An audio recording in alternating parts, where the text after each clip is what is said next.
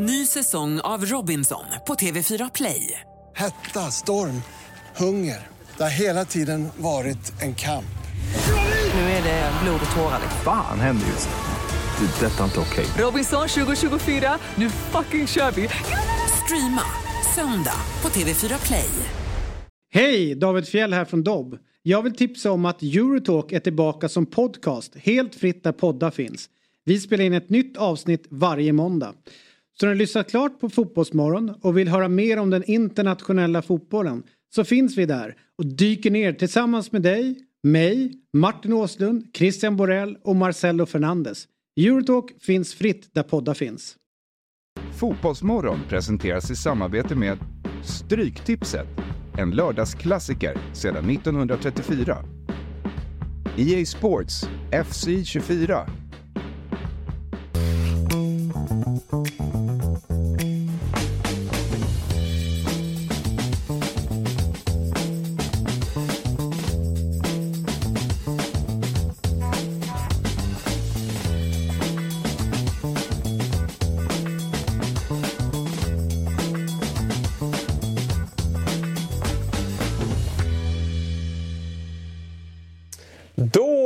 Hälsar vi er varmt välkomna, välkomna till Fotbollsmorgon lördag. Jag är lite ringrostig här känner jag och det är ju för att jag vikarierar för Axel Insulander som har sin sista dag på semestern. Han är tillbaka i nästa vecka och jag programleder det här programmet med den äran. Otroligt taggad Fabian Ahlstrand. Frågan om man någonsin varit så här taggad inför ett lördagsprogram med tanke på vilka fantastiska gäster vi ska ja. ringa upp men också som vi har här i studion. Ja. Ja, jag håller med. Det är spännande. Mm. Du brukar säga emot mig, men på det här kan du inte göra. Nej, nej, nej. nej. Gud, nej, gud, nej. nej. Sabri Zwartski, ja. mm. hur är läget med dig? Är du lika taggad? Ja, faktiskt. Riktigt taggad. Mm. På, på, precis på det du sa. Grymma gäster, roliga ämnen som vi ska ta upp också. Alltså fjärde panelmedlemmen då. Va? Ja. Otroligt. Ja men verkligen. I stolen där jag brukar sitta då så har vi fått eh, återbesök av en gammal Dobb-favorit. Det har väl gått lite drygt nu fyra månader, tre, fyra månader sedan du lämnade AIK. För de som är intresserade av den tiden så finns det ett program eh, på Youtube att ta del av när du gästade oss i, i det vanliga Fotbollsmorgon. Idag, eh, Andreas Brännström, ska vi prata lite om tränartrender och din syn på hur fotbollen har utvecklat sig. Men först och främst, varmt välkommen hit. Tack! Lite skön nostalgi i den här studion. Det satt vi väl för ett par år sedan och slog våra kloka huvuden ihop. Ja, men exakt så. I podden 352, även webb-tv-programmet då, så var det ju du, eh, Fabbe, Johan Israelsson och jag då, som eh, ledde det. Och det var ju väldigt eh, trevliga tider. Då analyserade vi allsvensk fotboll. Idag blir det ju mer fokus på den eh, internationella fotbollen. Eh, men Lite in... sorgligt att brännaren glömt bort när man sätter på mick. Ja. nu, nu sitter det bra, men innan programmet här var det lite Ja, det var ringrostighet här. Men du sa ju här också att du ska lära dig en, sak, en ny sak varje dag. Och nu har du lärt dig det, bockat av det för idag. Ja, djupt, grävt djupt och lärt mig hur man sätter på en mick. Men det, om vi ska göra så här, inleda med frågan hur sugen är du på att ta ett nytt tränarjobb där ett är absolut inte redo, vill fortfarande vara mellanjobb. Och där tio är nu, idag, vill jag börja träna. Var, var befinner du dig på skalan? Alltså, jag har haft sommarsemester, det var ett tag sedan, för mm. första gången på länge. Så jag har liksom gjort det där nu. Så det börjar ju närma sig mer åt tio hållet. Det är svårt att gradera. Men mm. om rätt sak dyker upp på något sätt så, så är det väl nära. Mm. Höga siffror. Ja, härligt. Eh, mer om det eh, lite senare då, för nu har vi faktiskt med oss den, den första gästen och det är inte vilken eh, gäst som helst. Eh, jag tror att eh, Eh, ingen har ju missat eh, efterspelet på matchen Liverpool-Spurs. Eh, I synnerhet inte du då, eh, Sabri. Det var ju en match som slutade 2-1 till eh, Spurs men som ju eh, det mesta har handlat om det här domarbeslutet då, eh, i VAR-rummet. Och nu har Jürgen Klopp uttryckt sin önskan om att få spela om den här matchen. Och det öppnar ju upp för nya möjligheter tänker vi. vilka andra matcher som har förstörts av domarmisstag kan vi spela om? är ju den stora frågan. Och då tänkte jag att vi, vi här i studion studion också ska diskutera. Eh, men ett domarmisstag som jag genast tänker på det är ju eh, Teddy Lucic utvisning mot Tyskland i VM 2006. Eh, och den hånflinande domaren Carlos Simon då. Och med anledning av det då så tänker jag att vi hälsar just Teddy Lucic varmt välkommen till Fotbollsmorgon. Härligt, tack så du ha. Hur är läget med dig? Nej, det är bara bra. Ja. Vi rullar på. Du, innan vi kommer in på den situationen då, eh, och den händelsen då, så eh, tänkte jag höra lite mer. Vad, vad, vad sysslar du med idag? Eh, idag jobbar jag i en skola som eh, elevassistent kan man säga. Eh, och jag har hand om lite ja, eh, ja, elever helt enkelt i skolan. Mm. Ingen fotboll alls? Jo, eh, jo det gör jag ju. Jag eh, tränar min dotter, hon spelar fotboll, eh, så jag är deras tränare och så följer jag då min son också som spelar fotboll. Så det blir, det blir ganska mycket fotboll blir det. Mm. Kollar du på någon allsvensk fotboll, internationell fotboll också? Ja, ja, absolut. Alltså, ja, det blir engelsk fotboll jag tittar och följer mest, helt klart. Och, allsvenskan försöker man följa ja, så, mycket man, så mycket man hinner. Men den är den engelska ligan som är, som är roligast tycker jag att följa. Mm. Det är ju en väldigt fin karriär som du har eh, på ditt CV med flera utländska klubbar, flera mästerskap och många allsvenska klubbar. Vilken, är det någon klubb som du har närmast hjärtat eh, idag som du följer lite extra? Nej, det, det, kan jag inte säga. Jag har varit i rätt så många klubbar faktiskt. Men eh, jag försöker nog följa alla klubbar eh, rätt så mycket. Eh, det blir lätt sådär jätteenkelt att följa allt och alla men eh, eh, jag försöker nog, ja lite i alla fall, dem. Mm. Vad, vad, känner du själv? I vilken klubb var du, var du bäst i? Eh, bäst och bäst vet jag inte riktigt men eh, det är svårt att säga så här själv eh, men eh, jag trivdes i England och där trivdes jag bäst, helt klart. Mm. Um, ja, Mm. Några, eh, hur många säsonger blev det i Leeds? Nej, jag var utlånad ett år där. Ja. Det var innan den här, eh, innan braket. Så här, halvåret innan det här braket, allt rasade ihop. Just Så, eh, ja, lite över ett år blev det där i alla fall. Mm. Ja, det minns vi väl. Men om vi tar oss tillbaka då till den här situationen. Det röda kortet mot Tyskland, VM åttondelsfinalen 2006. Hur många gånger har du eh, drömt mardrömmar om det här hånflinande leendet från Carlos Simon? Nej, ja, vad ska jag säga? Jag har tänkt på det till då och då, men jag blir mest påmind som idag. Ja. Eh, det är väl då man minns, minns, minns tillbaks. Men eh, Eh, efter det var det ju jobbigt, absolut. Det, det, det, det, det var mest det röda kortet som var jobbigast, att man eh, ställde till det lite för laget. Uh, I en så pass viktig match. Det är väl det man grävdes över mest. Sen att han hånlog tänkte man inte på då, utan det, det, det är väl det man har blivit påminn om efteråt. Men uh, det var lätt så det jätteroligt. Det tycker har jag ni, har, ni, har, du pratat någon gång med eh, Carlos efter det här? Liksom? Alltså det har ändå blivit en, en grej. Jag så, har, har ni någon gång surrat eller efter liksom matchen? Så jag hade ju gränt mig hela livet. Jag hade bara velat haft en liten förklaring. Men jag tänkte, har, har ni surrat någon gång? Nej, det har jag faktiskt inte gjort. Eh, han surrade med mig på matchen. Han var ju på mig hela matchen faktiskt. Eh, och det, jag fick inget svar vad är du för fel utan han var på mig faktiskt eh, fem, sex gånger tror jag innan, de här, eller innan det gula och innan det röda. Och, eh, påtalade så här jättekonstiga saker och han var så jättebra på engelska om inte jag minns rätt.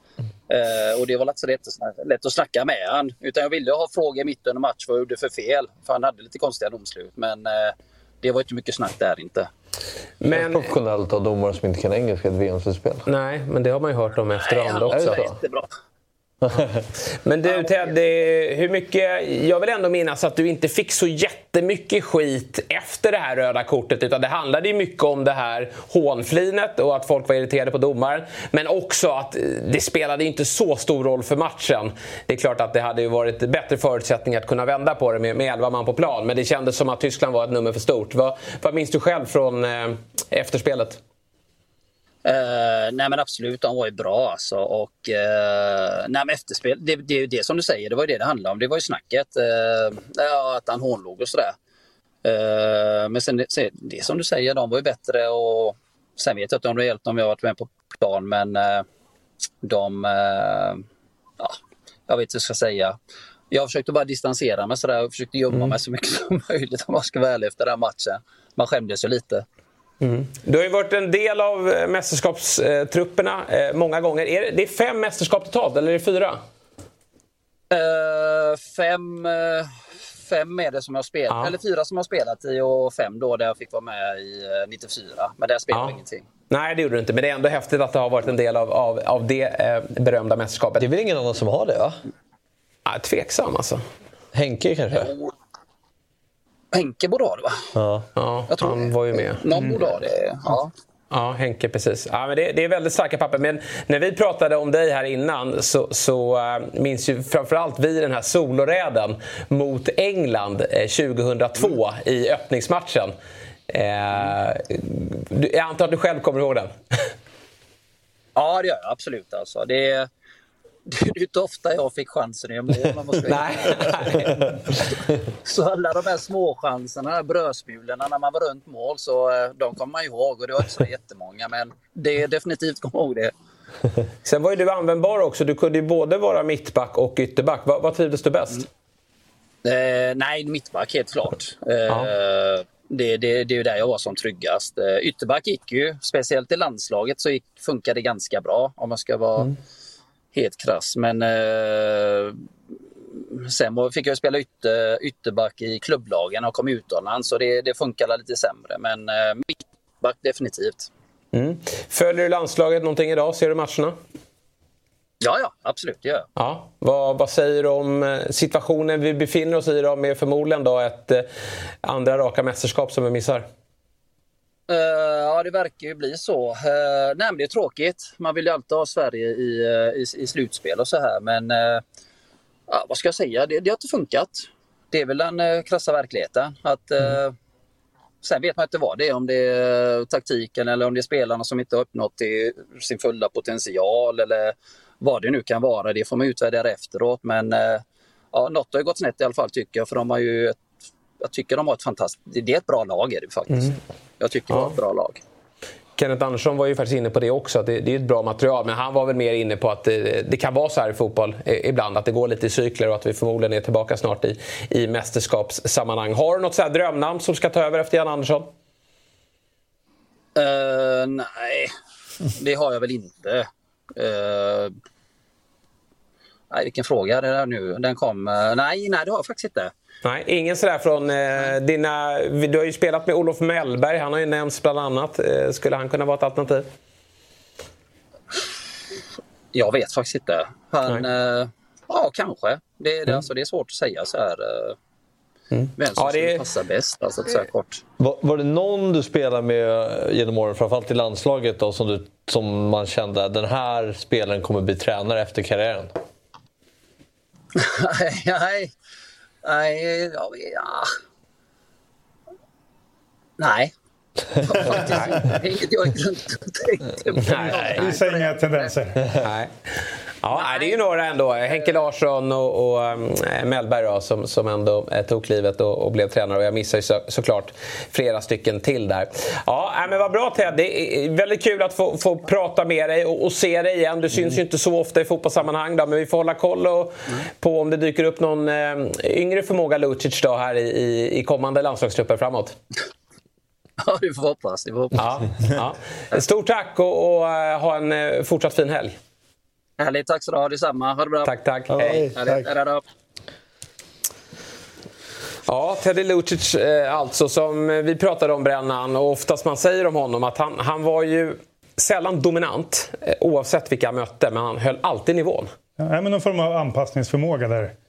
Mötte ett division 2-lag i Svenska Kuppen så stack han inte ut. Nej. Kanske den att lita på, en av dem man litar på mest om man mötte Spanien borta på något mm. sätt. Han hade en förmåga att hela tiden åka med motståndet. Också en personlighet i att han, han ja, som han uttrycker sig, var ju kanske, han trivdes bäst som mittback. Men gnällde ju såklart inte på att Nej. vara ytterback. En annan mittback kanske hade sagt att fan jag vill, jag vill inte vara här utan jag ska vara mittback, det är där jag är som bäst.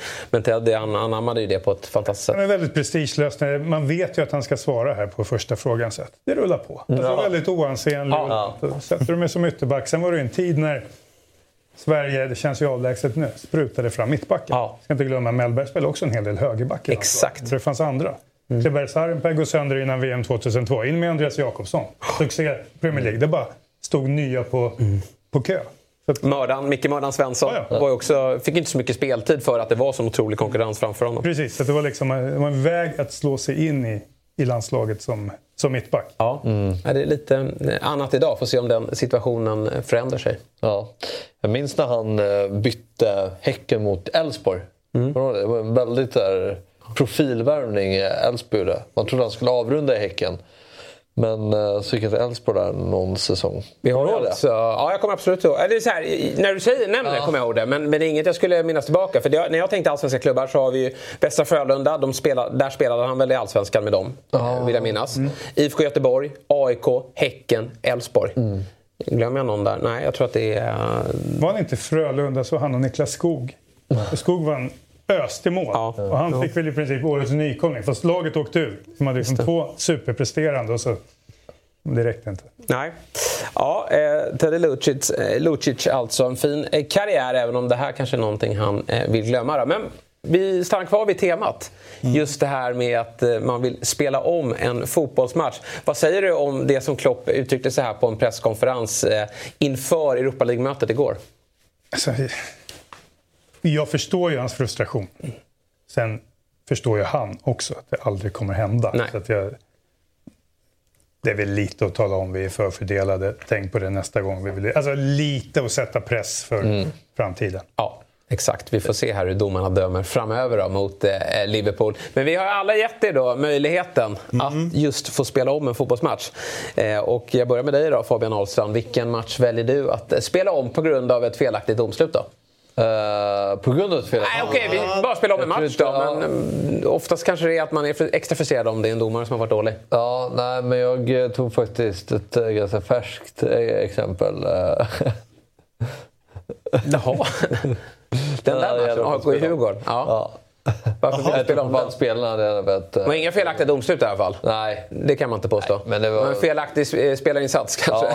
från, från 11 blåränder. Ja, det kan man lugnt säga. Tror du att det hade gått Vill du bättre? verkligen spela om det? Det hade blivit fem. Ja, jag var glad med 2-0 Ja, på verkligen. Den ska ni ta.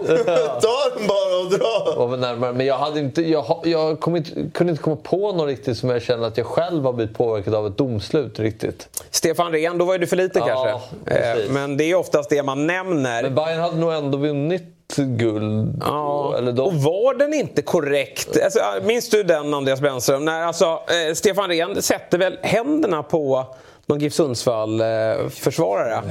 Ja, men det är på Stockholms stadion. Djurgården nämner det ofta.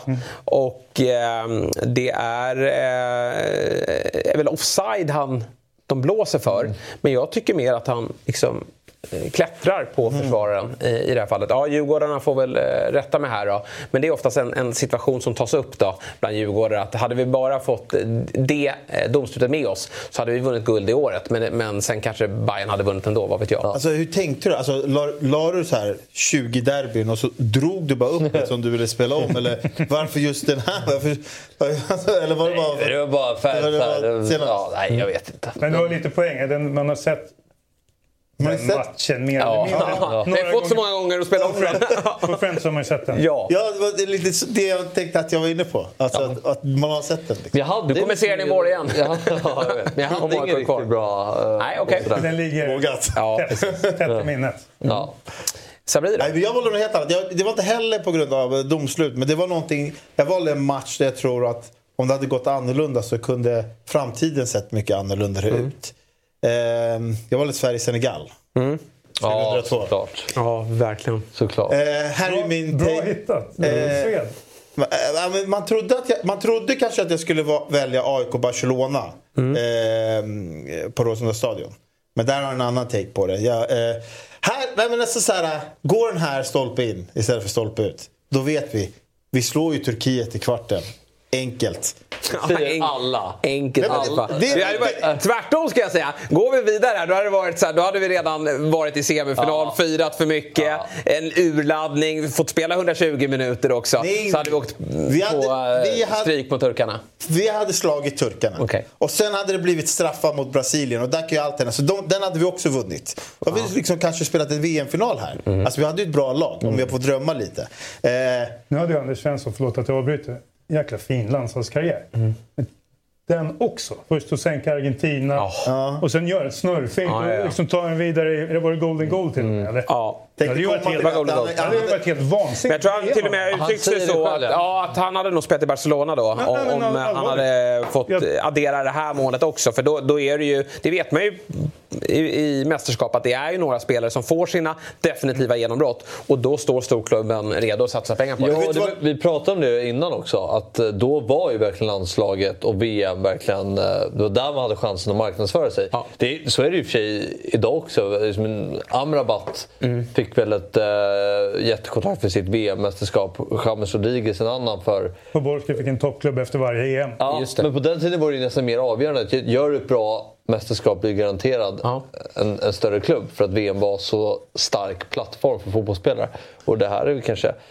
Det låter väl lite enkelt att om det där hade gått stolpe in så hade Barcelona stått där. Nu gick den stolpe ut och då står de inte där. Får vi ju aldrig veta, men det är ju det som är lite tanken med att vi har det här segmentet. Om matchen spelas in, det går Ja. stolpe in. Jag vill ju dra det så långt som att jag tror att Tede Lucic hade blivit eh, historisk och hjälte här. Han hade ju nickat in en mot Brasilien så vi kvitterade i slutminuten. Det hade betytt att han hade fått mycket mer respekt i fotbollsvärlden. Så Carlos, vad heter han? Carlos ehm, Simon. Simon, han hade ju aldrig liksom vågat hånle och visa ut Teddy. Nej. Ja. Jag hoppas Så att du det, lyssnar fortfarande. det röda kortet Det gör ju inte. Det röda kortet hade inte kommit. Och då hade vi vänt mot tyskarna. Och vad hade det betytt? Ja, men nu får du lugna dig. Nej, men nu måste vi dra det lite långt. För jag har en poäng, den sista poängen. Det är att Podolskis två mål hade inte betytt något. De hade bety- betydelselösa. Bayern München hade aldrig köpt han. Han hade haverat runt i Köln, Mainz och Hoffenheim. Så hade vi aldrig pratat om honom som den mest överskattade anfallaren någonsin. Ja, det är, Där jag. jag skriver under på att jag tycker att han var Det överskattad. bara åkt ur med Köln. Inget annat. Ja. Ja, ja, man hade varit där. Köln, Mainz, Hoffenheim. Så om han hade... eh, Podolski ska tacka sin karriär eh, för att Anders Svensson sköt stolpen. Ja. Och sen hade Liverpool aldrig köpt den här eh, El Hadji Diouf. Nej, och så En kanske riktig- ni hade vunnit i helgen också. Ja. Jag vet aldrig. ja, om det spelas om vill Ja. vi ju. Brännan, du fick inte förbereda dig, men har du någon sån där match eh, som du gärna vill spela om? Poppar upp två här. Dels den du var inne på, en, Champions League. Det är klart att en Champions League hemma mot Barcelona, det blir lite såna här svenska klassiker. Göteborg har haft ett par gäng såna också. Och nu var ändå fucking Champions League, som någon kallar det.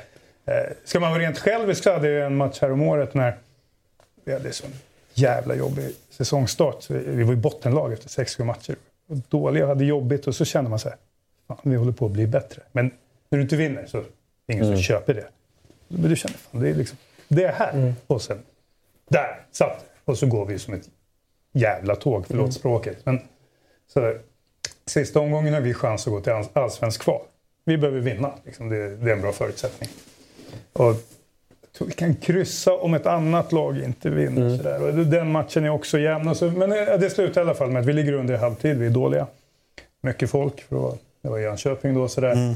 Och så kommer vi ut till andra och säger det är inte briljant fotboll. Det är, liksom ett, det är säsongens sista halvlek. Ut och bara töm det. Så vi kommer ut som en force. Liksom. Du vinner någon extra, andra boll extra. Du vinner där. Darren Smiley ser ut som ett monster på huvudet. Alltså, det blir en styrka. Väcker den där arenan. Du känner till och med Bosse som brukar klappa lite försynt. Står fan och skriker. Liksom. Så här, gör 1-1, gör 2-1. Går in i 96 minuten. Eh, ska döda någon boll nere vid hörnflaggan så är det slut. Liksom. Ska sparka den på benen. Spelaren hoppar, rinner till deras keeper, sätter igång en sista. Spelare halkar, ligger i vårt mål. BP är det. 2-2. Från det här stämningen. Och, och det räcker inte för BP, de behöver vinna för att inte åka ut. Fan. Så, fotboll ska ju vara kul. Det säger man ju. Så här, Fotboll ska vara roligt. Så, så här, det ligger 22 spelare plus bänkar bara utslagna. Så här. Från den här stämningen är det som alla bara går hem. Bara reser sig och går. Det är som att släppa en nål. Det, arenan är död tre minuter efter slutsignal. Det ligger bara 22 spelare och mår dåligt. Klubbdirektör eller vad, vad det nu är. Sportchef. Alla mår bara dåligt. Arenan är tom. Så här. Det, det finns ingenting att skylla på, alltså domare eller någonting. Men så här, man hade gärna bara så här coachat de där tio sista sekunderna igen. Det där är alltså en match som båda lagen hade velat spela om då. Ja, Eh, mm. Och då Ja, BP åkte ur och ni gick inte upp. Alltså var säsongen slut så här. För Kunde inte bara ha varit...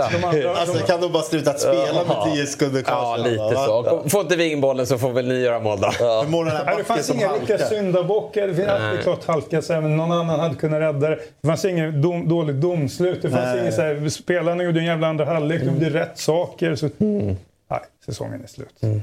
Ja, surt minne, men eh, man hämtar sig.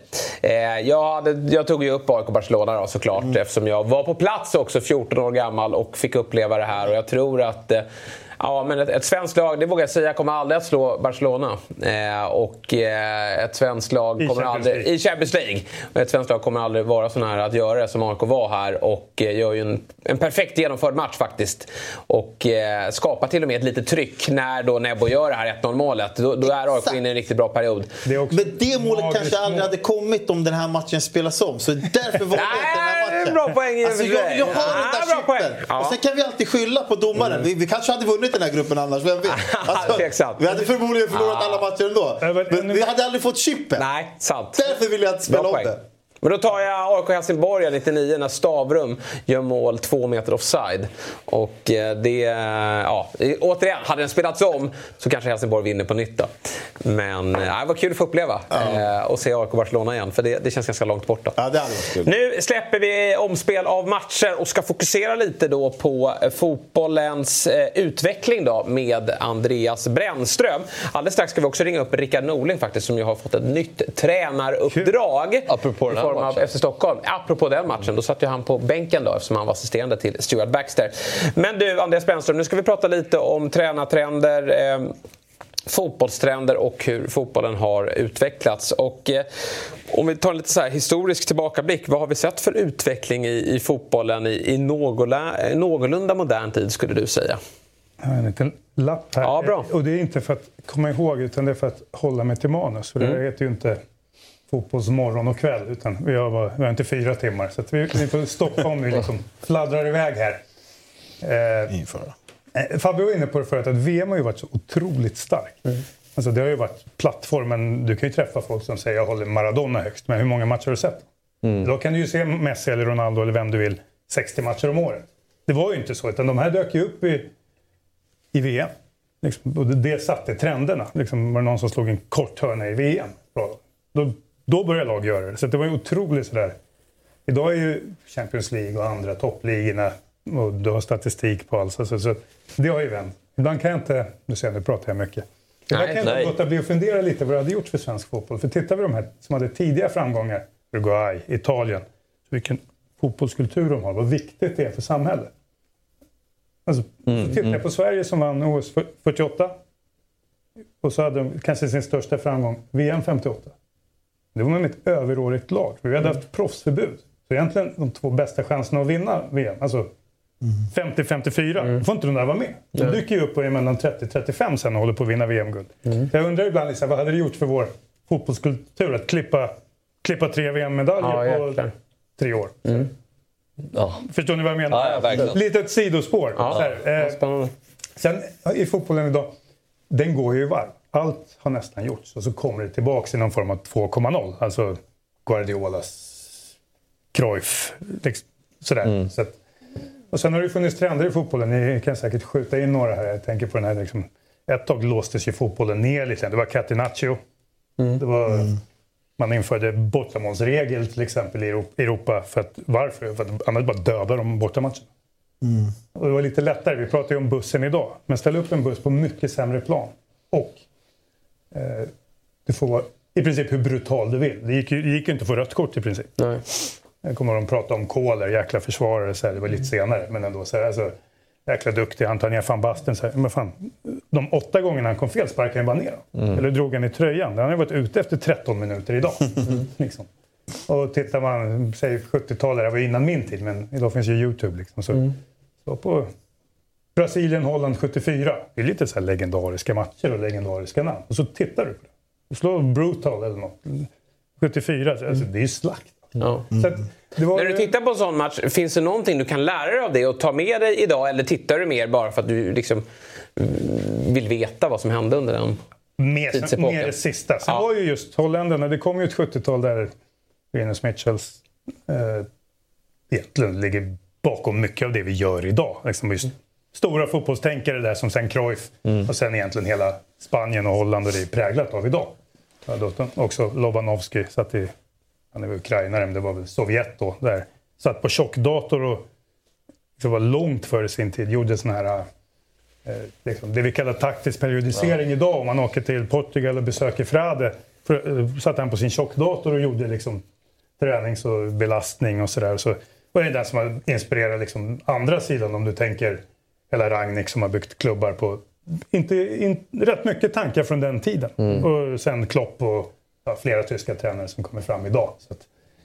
Så allt kommer i ny version på något sätt. Men jävlar vad den där eh, traditionen i Holland och Spanien ändå har etsats fast idag. Alltså om man tittar om de, de, de klubbarna med de största identiteterna idag, det är ju Barcelona och Ajax. Egentligen. Mm. kan inte komma på en klubb som har en tydlig identitet än de två. I hur man ska spela fotboll och vilka spelare man har i, i, i klubben och sådär. Och det, det känns ju verkligen som att det spelar ingen roll om det är 2023 eller 95. Det, det funkar ungefär på samma sätt i klubbarna. Ja, men man filar lite detaljer, Ja. går lite fortare idag, det är finare planer. Man... Men ide- identiteten är fortfarande ja, ja, det är samma. liksom i, Ja. blivit nyuppfunnen tre gånger Ja. från Cruyff. Och liksom, så att, eh, det är det jag menar med att det går lite i cykler, Mm. så saker kommer tillbaka. Vi kanske snart, snart ser det väldigt nedstängt igen. Idag är det svårare att stänga en match. Mm. Planerna är bättre, spelarna, det går lite fortare. Du får inte göra vad som helst som försvarare. Så här idag, eh, just nu befinner vi oss i en offensiv trend då. Att det är den fotbollen som, som segrar och den fotbollen som många strävar efter.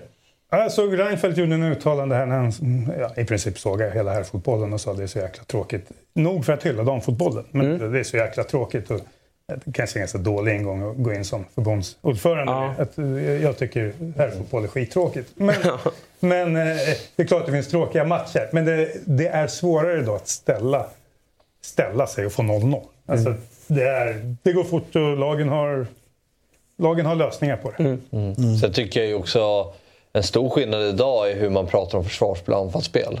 Idag, förut var det försvarsspel, anfallsspel. Du tränade försvarsspel, du tränade anfallsspel. Idag om du tittar på de bästa defensiva lagen, det är de som är bäst offensivt. För att anfallsspel och försvarsspel är ihopkopplat idag. Eh, för att du bygger ett anfall, en anfallsstruktur och ett anfallsspel för att du ska vara beredda att tappa den för att sen kunna vinna tillbaka den. Jag tycker, det, jag tycker anfallsspel sitter så mycket mer ihop idag. Och jag menar bara pressspel och allting. Och vi pratade lite om spelartyper. Idag krävs det ju att de offensiva spelarna är kanske dina bästa försvarsspelare.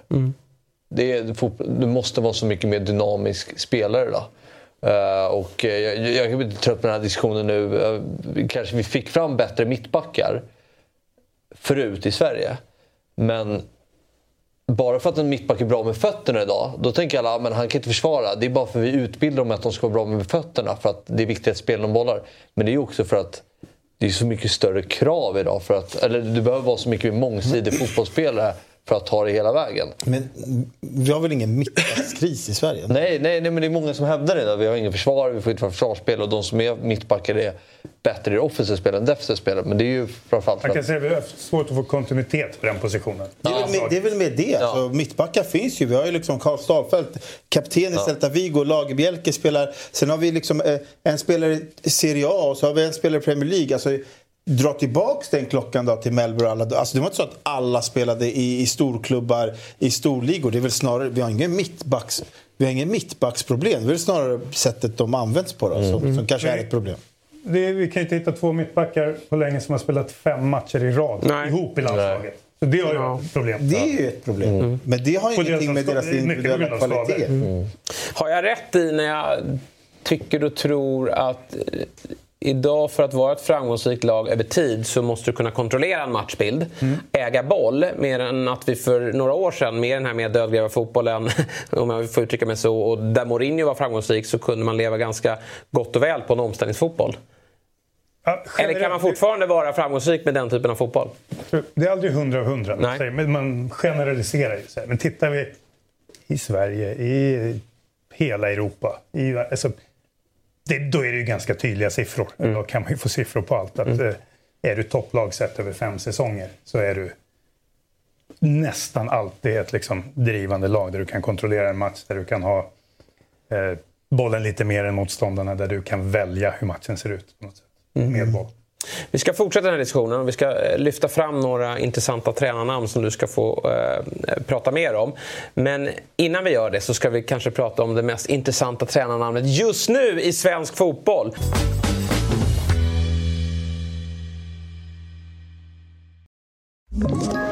Ett poddtips från Podplay. I fallen jag aldrig glömmer djupdyker Hasse Aro i arbetet bakom några av Sveriges mest uppseendeväckande brottsutredningar går vi in med hemlig telefonavlyssning och, och då upplever vi att vi får en total förändring av hans beteende. Vad är det som händer nu? Vem är det som läcker? Och så säger han att jag är kriminell, jag har varit kriminell i hela mitt liv men att mörda ett barn, där går min gräns. Nya säsongen av Fallen jag aldrig glömmer på Podplay. För det är som så att igår blev det officiellt att Rickard Norling tar över ettan norra klubben FC Stockholm från och med nästa säsong. Nyheten slog ner som en bomb i fotbollssverige och vi är mycket glada att få se Rickard Norling på en tränarbänk igen. Och vi är ännu gladare mm. att du dessutom dyker upp i Fotbollsmorgon. Så vi säger varmt välkommen tillbaka till Rickard Norling. Tack så mycket. Hur är läget? Bra. Ja, var befinner du dig? Jag sitter och lyssnar på er. Ja. Är du tillbaka i studion nu, eh, Andreas? Ja, jag försökte mig på någon lägenhetsrenovering här. Sen hade jag inte pratat med en människa på en månad kändes det som. Så jag var lättövertalad. Ja, härligt. Mm. Eh, saknar du studiosammanhang? Du har ju blivit en fena på det, Rickard. Och när du var som bäst, då, då la du ner. ja. Um... Ja, nej, det var faktiskt jäkligt kul och det är synd att uh, inte... Det fanns liksom ingen uppsida, det bars inte. Du och jag Fabian har ju surrat om uh, det här mycket, hur fan man ska bete sig, hur man ska göra liksom. Men uh, nej, det var för... Det var för... jag vet inte. Invecklat kanske, komplicerat för att det ska attrahera tillräckligt många så att det, eh, det blir business på det. Men jag hade gärna mm. fortsatt om det, om det vore så att det kunde, kunde vara så. Eh, ja. Så, så är det. Vad, vi får vad lärde du av det? Mm.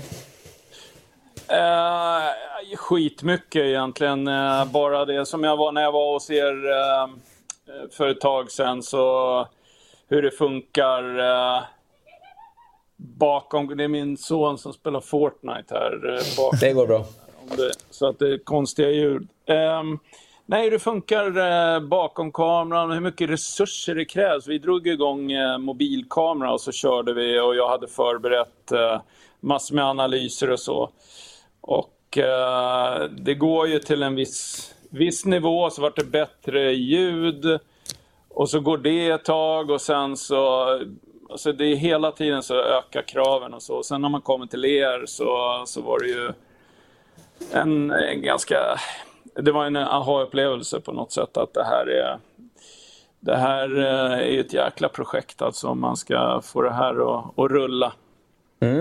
Vi får Så se om det... Sen, sen är det ju äh, fotbollen såklart att, äh, att äh, följa trä, tränarkollegor jäkligt noga och, och så analysera matcher och förstå hur, alltså lite grann värdera kollegor. Hur bra är de? Hur, hur skickliga är de på, på det de gör? Och vad ligger deras nivå i matchplaner? Hur ligger deras nivå i att faktiskt uh, göra skillnad under matchen och så vidare. Så att uh, det, det, var faktiskt jäkligt spännande. Men sen är det ju så, allsvenskan, ja vi, vi är duktiga men vi är inte i närheten av så bra som, som de bästa ute i Europa. Så då, då vet ju du Fabian att du, vi surrar ju om det, det du och jag det här att eh, titta på de bästa där ute och lägga ner en jäkla tid på det också. Och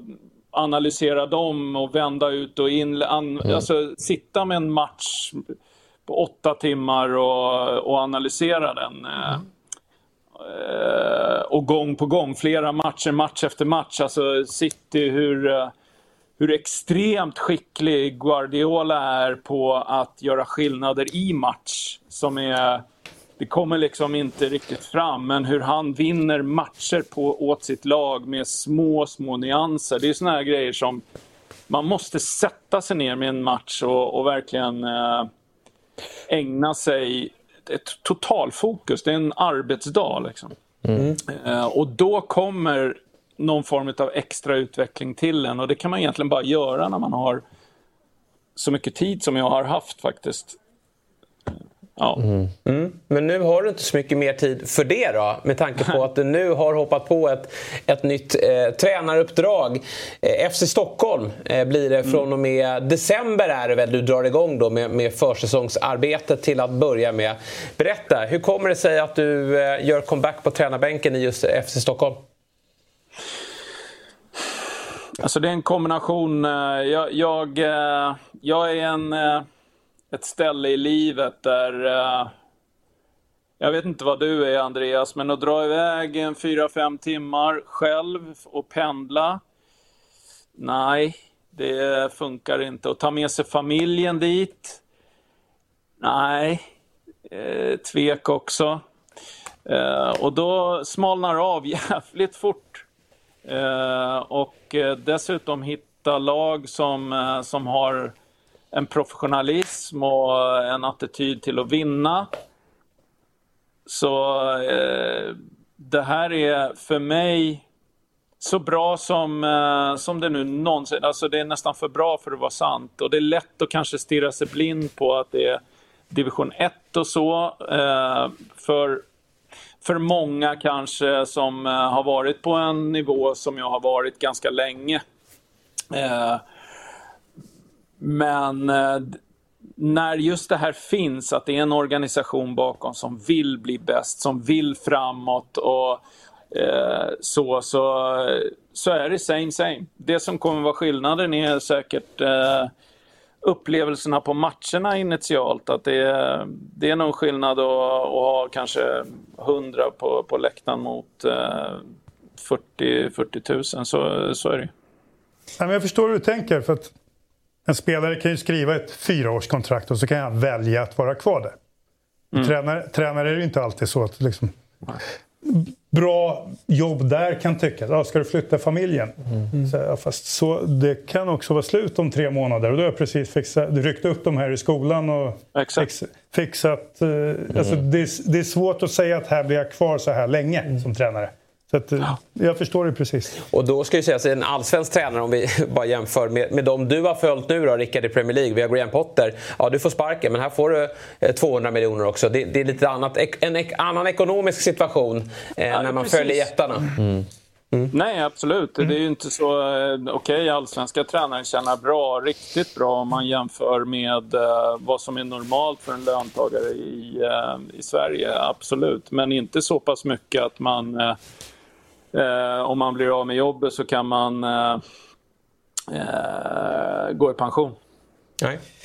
Eh, Rickard, 08 där efter AIK, så då- då var du väl också arbetslös drygt ett år om jag minns rätt. Sen hoppade du på Assyriska som också Exakt. kanske var lite chock och det vart ju succé och sen ringde Malmö och, och resten är historia. Är det, hoppas du på lite samma utveckling här i FC Stockholm?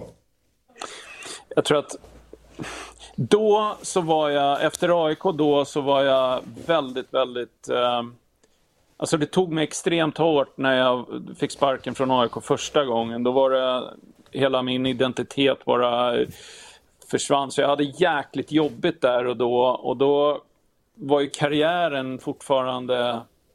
Det var egentligen det enda jag tänkte på. Gud, eh, min familj hör inte mig här, men det var ju verkligen Um, nu så är jag i ett helt annat läge i livet där jag, jag, jag kommer vara så mycket mer närvarande i FC Stockholm än vad jag var i Assyriska. För det var liksom någonting där jag var på väg till någonting. Även fast jag älskade att vara i Assyriska. Det, det var en fantastisk upplevelse. Eh, lärde mig axeldanser, blev inbjuden på bröllop och eh, blev ordföranden. Och, alltså, det, det, det, första gången var på libanesisk restaurang i och för sig med. Det var första gången som alla assyriskas ordförande träffades samtidigt. De har ju liksom haft lite prestige och varit lite sådär, ah, vi snackar med varandra. Så, så samlades allihopa just när jag hade skrivit på. Så det var en enorm upplevelse så. Så att jag ska vara rättvis mot... Jag var närvarande där också, men jag var ändå på väg. Jag nu... Jag skulle gärna vilja vara på väg till Stockholm. Mm. Mm. Skillnad. Mm. Det ska bli väldigt kul att följa. Men utöver då att det är... Ja, men du, du, det är fortfarande det är samma jobb så att säga. Men du mm. nämner att det är, det är, mindre på läktarna. Men det är väl också en annan typ av spelargrupp kan jag tänka mig. Där, där det finns jobb vid sidan av. Att man kanske inte mm. har lika mycket tid över. Och det kanske finns spelare som eh, har slutat drömma om den största scenen. Hur tror du att den omställningen blir då? Att få jobba med en annan typ av ambitionsnivå? Eller målar jag upp ett problem som kanske inte finns? Nej, men det ska bli spännande faktiskt att ta del av det. Jag hoppas ju verkligen inte att de har slutat att drömma.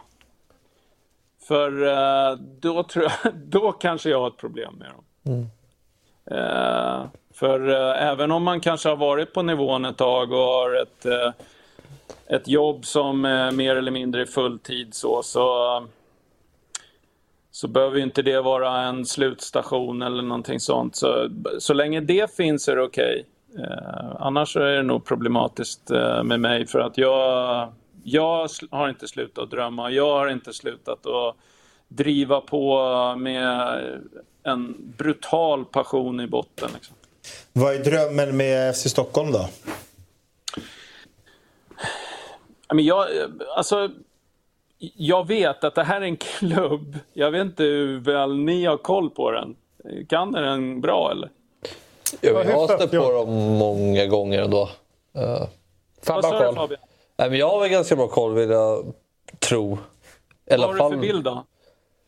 Nej, men det är ju som du säger en klubb med mycket eh, ambitioner som ändå har klättrat snabbt upp. Och eh, i år är väl året man kände att de skulle kanske kunna vara ett real, riktigt topplag och hota om eh, de absoluta topplaceringarna men kanske inte lyckats få ihop det tillräckligt bra. för de har ju en bra spelartrupp. Eh, liksom. Men väldigt professionell och sådär. Ja. Det är bara att titta på presentationsvideon med dig. Det är ju inte liksom svenskalag.se och en, en bild och en artikel utan det är ju en riktig video som mm. de har lagt ner tid på att göra. Ja, men jag kan gilla också de här bakom. De är inte blyga för att säga att de nej, har nej. drömmar, att de tror på saker. Jag älskar det. Alltså jag mm. påminner lite om, nu ska vi prata om dig och inte om mig, men jag var i Dalkurd och satt på ett kontor i Borlänge och de sa liksom mm. att i division 1 att nej, nej, vi ska till Allsvenskan. Det var ingen annan som sa något annat. Nej. Och frågan någon sa nej, nej, vi ska till Allsvenskan. Så att våga säga det och tro på det. Ja. Nej, men det är precis den bilden som, eh, som jag kan vidimera på något sätt. Och känslan är för mig att jag sa det och då blev det, jag vet inte vad sa jag nu till, eh, till sportgruppen där som jag har träffat att eh, oavsett om det blir med mig eller inte så är det oundvikligt att klubben kommer vara framgångsrik inom en femårsperiod. Alltså det, det, jag har så oerhört svårt att se att det inte kommer vara. Då kommer ni sitta... Hur, vad är det, hur har de byggt upp den här klubben? Uh -huh. vad, vad, har det börjat och hur har de successivt utvecklat det här allt eftersom? För att jag har en känsla av nu att det inte är så att jag kommer in och så börjar allting ifrån mig. Utan jag kommer in och blir en del utav någonting som redan existerar. Jag ska mm. träffa sportchefen nu på Stefan Elves på, på måndag och det, alltså bara det att man direkt har en riktning att det är den jag ska jobba med där och sen ska jag nästa ska jag ta den vad det gäller marknad och så där vad det gäller staben och så. Mm. Istället för att jag tror att det är många klubbar som att okej okay, nu anställer man en eh, meriterad tränare mm. och så förväntas han i princip fixa det och så sitter de och väntar på att det ska ske. Här är det precis en känsla som är, ja men jag kommer in i en klubb som funkar redan. Mm. Hur mycket fick du slåss med stoltheten då? Du är ju en av de mest meriterade tränarna vi har i det här landet med två SM-guld och eh, varit tränare i, i Norge och suttit på en Champions League-bänk också. Eh, det var ett tag sedan nu men du, du satt ju faktiskt där tillsammans med Stuart Baxter. Eh, att, att ta sig an en division 1-klubb. Var, var det jobbigt för dig att, att liksom kliva in i, i, i det tankesättet att du inte kommer tillhöra svensk elitfotboll? Nej, så är det väl. Jag vet inte om, om man... Eh, det jag kanske säger nu är som att svära i kyrkan, men det är verkligen en... Eh, med full respekt och eh, om någon tar illa vid sig så får jag väl ta tillbaka det. Men om man tittar på i Stockholm så, så är det ju så att eh, vi, vi har AIK, Djurgården och Hammarby och de är, de är ohotade på något sätt eh, där uppe som topp tre. Sen bakom där så Brommapojkarna, men Brommapojkarna har liksom en inriktning att de, de kanske inte egentligen vill vara bäst på A-lagssidan, men de vill vara bäst på 13-årssidan. Så att ambitionen kanske sänks ur ett resultatperspektiv ju högre upp man kommer, ju närmare seniorlaget. Eh, och att man kanske då tittar på att det viktigaste är att vi säljer unga spelare så att det genererar budget för oss att bygga vår verksamhet. Och det på något sätt är ju en, det är en fantastisk filosofi, men den kanske inte passar mig så. För jag vill ändå vara med och vinna, jag vill vara med och driva ett, eh, ett representationslag till att bli så bra som möjligt och kanske ges så bra förutsättningar som någonsin går här och nu för att göra det. Och då är det fasen hur många andra klubbar i Stockholmsområdet med tanke på att jag vill bo kvar som är bättre. Eh, så det finns liksom ingen prestige. Det finns mera hur stillar man ett, ett starkt behov utav någonting, både familjärt och karriärsmässigt. Jag är lite nyfiken på vilken Rickard Norling som kommer tillbaka nu då till fotbollen. För nu har du ju varit borta ett år och jag har ju följt din karriär eh, likt eh, ni andra här i studion alla. också. Då. Men, men eh, det har ju varit olika typer av Rickard Norlings fotboll eh, eh, mellan, under åren. Vad, vilken fotboll får vi se i FC Stockholm tror du? Eh, alltså jag, det är sant, jag har verkligen, det har varit eh, i Malmö FF så var det ju ett 4-4-2 och eh, mer det som eh, lite så här. Eh, så det var inte direkt att vi eh, strukturerade upp hur vi skulle spela oss fram eh, från inspark som eh, De Serbi och dem. Det, så är det ju. Eh, men ändå, det var, det var ett sätt. Och sen så var det ju Shape som var eh, det ni var inne på med Mourinho där och är det möjligt att göra resultat idag med en sån fotboll? Det var ju då. Och sen markeringsspel på det bara för att eh, hitta någon form av utveckling. Men det har ju varit jävligt självcentrerat självcentrerade beslut och där man har utgått från sig själv och alldeles för mycket. Och Norrköping lika så. Så nu är det mer att jag, jag, vill se, jag har tittat på jäkligt mycket matcher nu, vad de gör och har gjort och så. Och jag kommer utgå ifrån det. Och det är den stora skillnaden att eh, försöka att vrida till saker och ting som de redan har gjort. Eh, jag vet inte, samma, du har ju erfarenhet av just AIK, Andreas, Mm. det här med hur mycket man ska gå in och göra sitt eget och hur mycket man ska bygga på det som har varit och så. Där är jag i alla fall att det, det är viktigt. Men jag vet inte, hur kände du med AIK där? Det är helt nyfiket, eller jag är helt nyfiken på hur du resonerar när du klev in där. För du gjorde ju nästan en halvnoling, tänkte jag säga. Ja, men det, Men jag vet inte, hur kände du med AIK där? Det är helt nyfiket, eller jag är helt nyfiken på hur du resonerar när du klev in där. För du gjorde ju nästan en halvnoling, tänkte jag säga. ja, men det, du har nog en poäng där. Sen, det fanns väl en uttalad... Nu det blir ett långt program igen. Eh, så jag ska hålla mig kort. Vi bara njuter här Men det fanns väl en uttalad... eh, Liksom, klubben lanserade ju lite det att nu ska vi gå åt det här hållet. Alltså vi ska göra om. Så det var Vad också en, lanserar de för dig då? Vad lanserar? Eller... det var ju också något man lanserade utåt. Alltså att nu ska vi bli mer dominanta och framåtlutade. Det ordet känner du ju till. Och vi ska kanske se lite annorlunda ut på sikt och sådär. Ja. Okej. Rätt eller fel, eh, det är klart att... Hur tolkar du det då? Nej, men, eh, det finns ju sådana här kontrakt så man får inte släppa vad som helst som har sagt inom stängda rum. Men rent allmänt så här, alltså det är klart att man då har en diskussion när man anställs. Att, vad menar ni med framåtlutat? Ja, alltså, precis. äh, det kan vara ett uh, aggressivare försvarsspel. Sen, aggressivare försvarsspel, men din man-man, det är väl så aggressivt det går att bli. Alltså, men Ja. att, du är ofta lite högre i utgångspositioner. Du är, eh, vi kanske mejslade fram det. Vi, vi ska ha bollen lite mer. Vi ska vara lite aggressivare när vi har tappat den. Vi ska ha lite högre linjer i. Så det var väl någonting som gick sig igenom i november. Sådär. Sen, eh, Men är det du? Var det du eller fick du liksom eh, göra knut på dig själv? Tar jag över allting? här? Nej, absolut inte. Nej då. Kör! reporter Rickard. Nej, men fick du, för jag, när, när du kommer från Mjällby så var det ändå...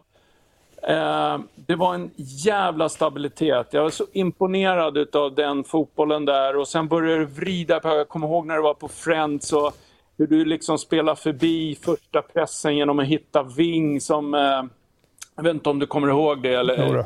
Ja. Eh, och jag kände så här, fy fan vad enkelt och vackert och effektivt. Och sen kände jag att fan fortsätt med det och sen så blev det ännu mer spännande grejer och sen till slut så var det fy fan vad mycket grejer han kan. Eh, och var det för att de ville det eller och att du var tvungen att hitta på eller förstår du? Ja, ja, ja, men bra, jävla bra fråga. Det blir långt här. Eh, ja, men man säger så här. Jönköping och Dalkurd har ganska, ganska många likheter. Även om Dalkurd var jäkligt skickliga på några saker. Så, där, så Jönköping kanske gick åt det hållet. De började närma sig det liksom, i slutet när jag var där. Så här. Mjällby kommer ner till, det är samma där. Du har ett möte. Och de vet ju, det får man göra. De vet fan vad de vill. Det här är Mjällby. Det här, så här har vi något. Då får du vara jätteödmjuk. Du var inne på det här, att ibland kanske man får lyssna in. Och det var inget snack. De kunde liksom svara på alla frågor man ställde. Det här vill vi. Så att till en början var vi jäkligt mycket i Mjällby. Sen har vi tappat några spelare. Så där. Jag kom med något förslag. Skulle ni skrika rakt ut? Sen när vi fick det att sitta, liksom, så här, då, då har du några spelare också som känner lite vad är nästa steg. Och, så där hittade vi väl en ganska bra stegring. Att det blev, vi tog lite i taget. Vi började från det som var väldigt mycket Mjällby. Där de sa att det här har alltid varit vila, alltid. Men det är så vi har tagit oss till Allsvenskan och det är, det, det är så vi har etablerat oss. Eh, Du kanske har lite fler färger, men eh, först och främst är det det här. Så blev det en ganska bra takt i det där. Så att vi såg väl annorlunda ut på sommaren när vi gjorde första april. Liksom. Skulle du vilja säga att Mjällby tydligare vad de vill än vad AIK vill ur det perspektivet? Jag tror det fanns starka ambitioner i AIK. Men, men sitter du med, du vet det är Hasse och det, är ganska få personer som jobbar i Mjällby. Så de, de har nog sett varandra tusen dagar i rad. De har, de har mejslat ut väldigt... Om du tänker så här, eh, surrar lite min mick här. Alla klubbar vill ju egentligen ha samma sak. Fyra saker. Så här. Vi vill... Eh, vi vill spela lokala spelare. Chelsea, Chelsea skulle gärna ha 15 London-grabbar om det gick. Liksom. Det är populärt. och så. Man vill ha unga spelare, för det är spännande för supportrar och det finns en business i det. Så här. Om, det om det går. Liksom, sådär. Ja, ja, ja. Och så vill man spela underhållande fotboll. Sen vad det är kan vi diskutera till döddagar. Och så vill man vinna. Men, och så kanske man har olika prioritering på dem där. Ett Nordsjälland kan ta en säsong när det är lite mindre vinster för de håller på att göra om truppen men de vet att de kommer sälja för 200 miljoner. Och Köpenhamn kan inte ta en liksom komma nia säsong. Vinna är viktigare. Förlorar Malmö två raka matcher så då står det inte tre juniorer där nästa match. Utan vinna är... Eh, Mjällby är ganska tydliga. Jag ställde frågan och de sa de hade, du behöver inte spela en ung spelare. Så. Alltså, sen kan man tycka det är rätt eller fel, men jättetydliga med såna här saker. Alltså, att, så här, eh, spela lokala spelare, vinn. Skit i resten. Och så, då börjar jag Men det, liksom... det, alltså min, jag fattar. mejs- Min, poäng, min poäng är ju det här att framåtlutade, är man kapabel som en klubbledning, vet vad man, man säger då? Vet man vad man säger när man ska vara framåtlutad och spela en mer attraktiv fotboll? Eh, jag tror inte det. För, för, vad- är inte, det, inte det lite så här om man tar eh, Leipzig som exempel? Att där är så här företagsledare som säger vi ska spela en fartfylld fotboll. För det är vår slogan. Alltså spela med vingar typ. Och sen därunder så anlitar de kompetent folk som kan implementera det. Så det som kommer högst upp, det behöver inte vara de fotboll, de mest fotbollskompetenta personerna. Utan det anlitas under för att det ska installeras på, på planen, tänker jag. Ja. Ja, jag, jag tar ett steg tillbaka. Sorry. Nej. Ja, men det är svårt. Det, det är diffusa begrepp som är... Jag tror att frågar man olika så har nog de begreppen olika betydelse för olika människor. Ja. Så att det, du är något på spåren. Mm. Får jag bara ställa en fråga? Ja. Apropå alla, liksom, alla matcher och sett alla, mm, alla lag du analyserar så här. Har det varit någon ögonöppnare för dig som du själv är sugen på att eh, men, ta lite av uh, kakan? Att så här, det här skulle vara kul att testa att göra? Och...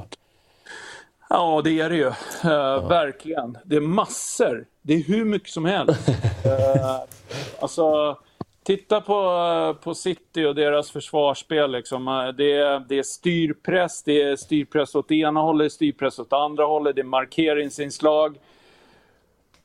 I en och samma match.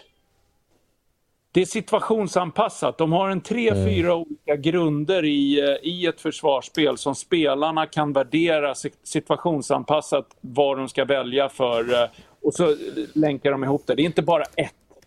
Och det tycker jag är vrålspännande.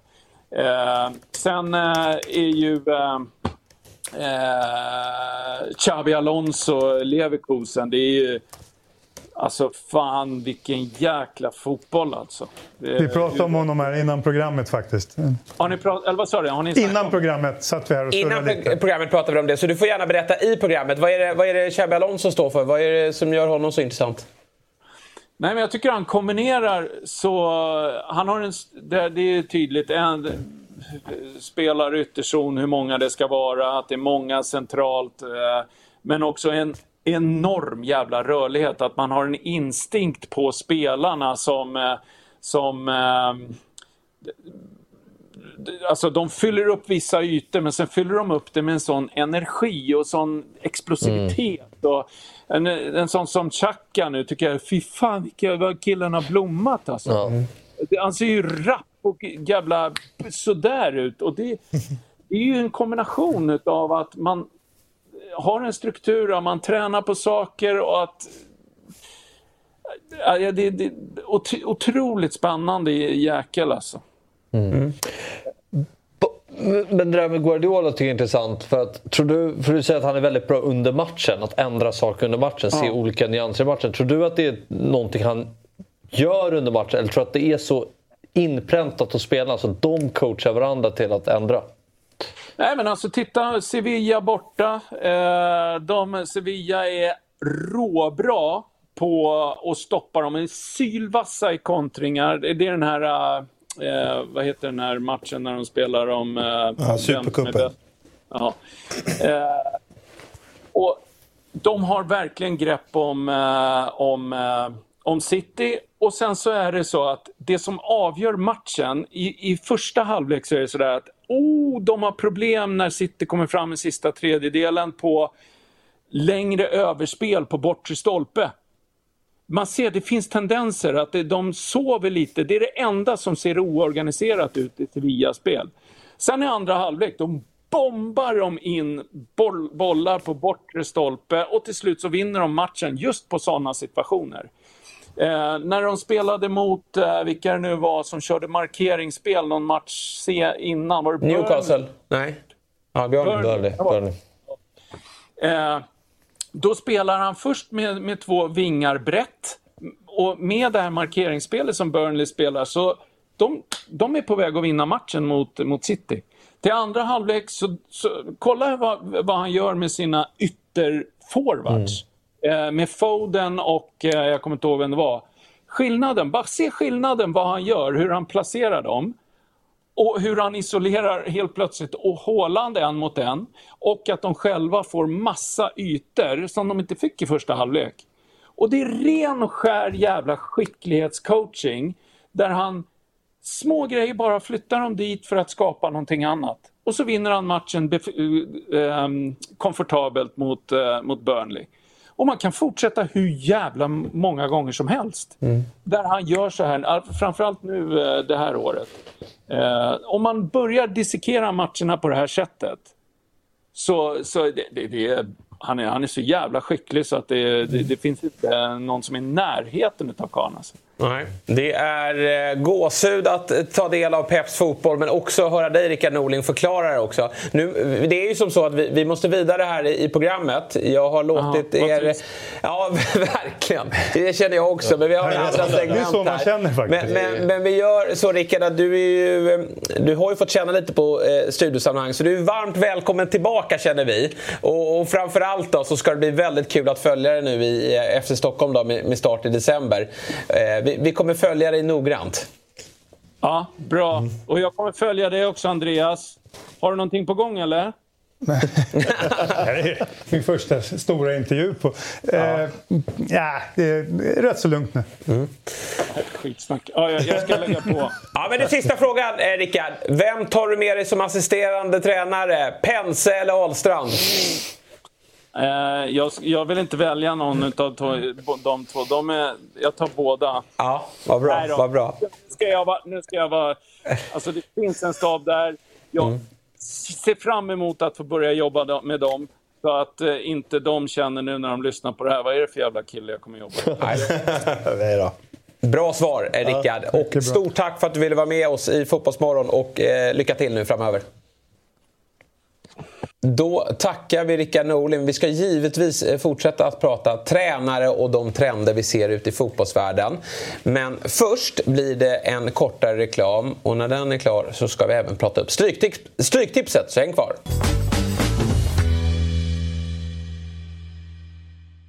Vi är denna vecka sponsrade av Hantverksdata. Ett målbaserat affärssystem som hjälper över 100 000 hantverkare varje dag. De hjälper hantverkare att digitalisera sin vardag. Precis, vilken grej! Och vi kliver in i en period nu när det är matcher i de största ligorna och Europacuperna mest hela tiden. Såväl vardagar som helg. Så med hjälp av hantverksdata sparar man tid och pengar för att hinna se alla matcher. Och Fabbe, om man bortser från de här korpmatcherna du kollar på och fokuserar på de större ligorna. Hur många matcher ser du varje vecka? Ja, men jag skulle nog säga att det är minst tio. Ibland fler. Så då gäller det ju att vara väldigt effektiv. Jajamän, och Hantverksdata har hjälpt hantverkare att spara tid och pengar i över 50 år. Allt är samlat i samma system där du hittar lösningar för bland annat order, projekt, service, lön och lager. Du behöver bara ett system för att effektivisera din vardag. Nämligen det från Hantverksdata. Av hantverkare, för hantverkare. Vi säger tack till Hantverksdata som är med och sponsrar Fotbollsmorgon. Där är vi tillbaka i Fotbollsmorgon lördag.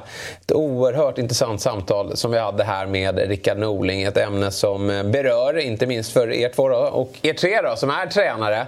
Och givetvis bland våra lyssnare och tittare. Och vi ska ta vid lite senare kring den diskussionen. Men först då, mm. eh, så blir det Stryktipset. Och eh, vi hade ju, om vi kikar på förra veckans kupong då. Så konstaterar vi att det var Totalt sju lyckliga vinnare som hade 13 rätt förra veckan. Eh, och det gav en vinst på strax över miljonen. Grattis till alla er. Eh, utdelningen då eh, gick ju över miljonen efter Matips självmål där. Eh, det var tydligen viktigt för utdelningen. Ja. Så det var kanske några Liverpool-supportrar där som ändå jublade för att de fick mer pengar tillbaka då, eh, vid sina 13 rätt. Liverpool-supportrar spelar aldrig emot Liverpool så det Nej, det kanske ja. är så. Eh, I Västerås så var det faktiskt en person som köpte en Pix. Alltså att man kliver in och betalar 16 kronor och så får man bara en rad tillbaka. Var den på 16 kronor? Ja, 16 kronor. Eh, och han blev en miljon eh, rikare. Eh, så att vi gratulerar alla er och vi ska ju fråga dig Fabbe. Blir det en Pix från dig i helgen? Det är 20 miljoner mm, ja. i jackpot. Givetvis. Ja. Och det är så jag tror löper den största chansen för mig att vinna. Ja. Än att försöka stå det där tror jag också. Ja. På, du hinner ju dock gå in och analysera alla, allas matcher här innan. Mm. Kolla tre matcher per lag. Oh. Uh, Norling uh, kanske har sett någon match med Birmingham när han har tittat under året. Då vet du om det är spik ja, Om, man ska, om det ska krävas en hel arbetsdag, åtta timmar per match, då tar det nog lång tid innan man kan få en hel kupong eller kunna avgöra utfallet av varje match i den här kupongen. Ja, så är det. Vi kan väl kika på utmaningen då. Eh, den mellan mig, Sabri och Myggan. Och det var tufft förra veckan. Sex rätt, Sabri. Eh, Jag Kolla kan ju inte då... på mig, Nej, jag menar för det. Jag kan ju sex tyvärr rätt? inte be. Jag såg för sex rätt. Nu jäklar ska jag håna Sabri. Men jag, eh, varken jag eller Myggan var ju eh, särskilt mycket bättre. Tuff omgång, men det talar ju för att vi studsar tillbaka känner jag. eh, I den här eh, Alltså vi har precis förlorat med 5-0. Och då vet man ju till nästa match, då är det ett hårt försvarsspel som gäller. Så Mm. Kommer inte släppa in de fem bollar den här matchen. Nej, eh, verkligen inte. då. 20 millar som sagt i jackpot. Och eh, man kan ju rygga oss då, eh, dig, mig och sen kommer även Myggan såklart att skicka in en kupong. Och Kalle Hultin, vår redaktör, har knåpat ihop en kupong. Sen finns det en superkupong också med dig och Myggan. Eh, där ni kör ett riktigt stort system. Ja men exakt, det är 20 miljoner jackpot så den vill man ju jaga. Ja. Jag gillar Sabris bouncing back-mentalitet här. ja, men det är exakt så vi känner. Nej, men, eh, Det, är det var en eh, fruktansvärd omgång förra gången. Vi kan ju liksom inte gå tillbaks dit. Nej, så här ser kupongen ut. Fem matcher från Premier League, åtta från Championship.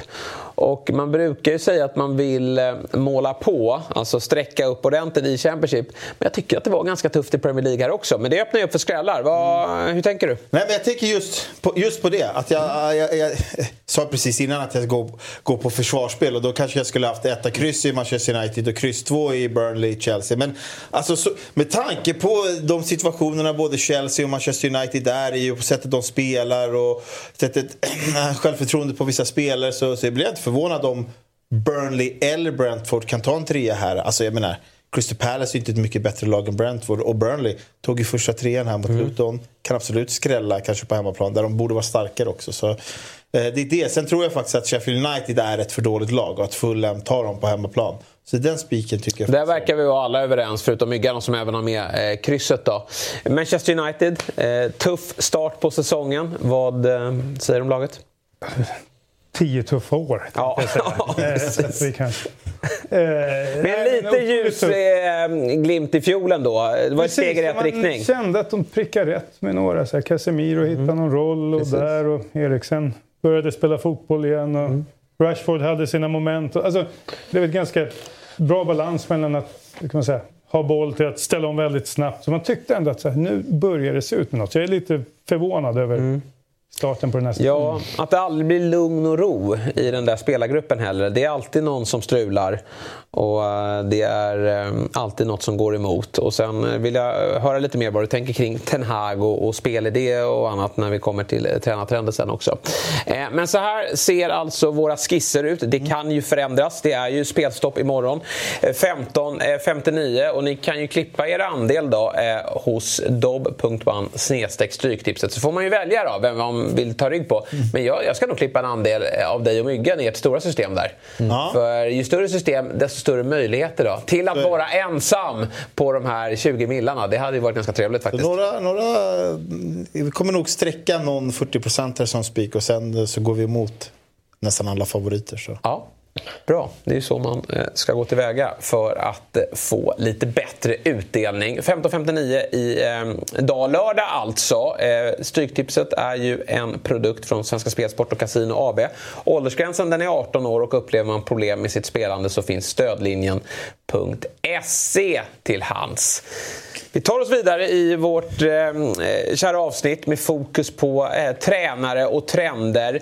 Pep Guardiola hyllas ju eh, unisont här av, av eh, Rickard Norling med flera. Eh, Du säger väl inte emot? Det är allt jag har sagt om honom. Jag hade turen för en massa år sedan när han eh, var i akademin, B-laget. En bra kontakt i Barca på den tiden så vi kunde ströva lite fr- fritt på La Masia och eh, se honom liksom när nya, då, nya Barca byggdes upp. Liksom. Han var ju en jättedel i det där. Man tittar på den där B-lagsträningen och undrar vem är den där långa killen som inte har slagit bort en passning på två dagar. Så två år senare visste alla vem Busquets var. Alltså, Ja. Det var ju ett gäng som kom då. Det var en ganska rolig tid. Och allt är redan sagt om honom. Det jag kan vara imponerad av, liksom, det är så här, som han stod då och styrde liksom Ställ fötterna så här och liksom upp med huvudet här och upp, upp, upp. Håll avstånd det här. Så. Han orkar ju göra det än idag. Han kan ju stå med en Sterling. Ja, nu är inte han kvar, men ni förstår vad jag menar. Alltså, Ofta blir, går man ju mer mot en liksom tillbakalutad roll med det är stora staber och det, han står ju där och liksom styr kvadraten. Alltså en jäkla hunger i den mannen. Ja. ja, men verkligen. Och det ser man ju. Man tror ju så här efter en trippel nu när han äntligen får vinna Champions League.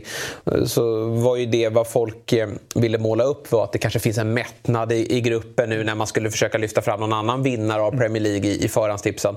Och så såg man honom där i Burnley-premiären gå runt och spotta och, och elda på. Man ser ju i hans ögon att han, han brinner ju och vill ju fortsätta att vinna saker och utveckla spelet. För det är väl också någonting som vi kan se bland eh, tränare där ute att alla lyckas inte med den bedriften att utveckla eh, gruppen man arbetar med. Nej, precis. Och det är att han liksom har orkat i så många år. Vad är nästa steg? Mm. Vad är nästa steg? Hur kan vi skruva lite grann? Och jag tror han lärde sig en del i Tyskland. Det säger han ju själv. Liksom, att där kunde lagen döda dig i kontringar om du inte var noga med det här och det här. Och han gick lite mer mot liksom, en mot en yttrar där. Alltså han, har, han har liksom på något sätt tagit små, små steg hela tiden och därför är han högaktuell idag, 15 år senare. Mm. Vi ska prata om lite Pep Guardiola, såklart ett, ett, ett givet namn att diskutera. Men, men jag tycker även att vi behöver lyfta fram några andra tränare också.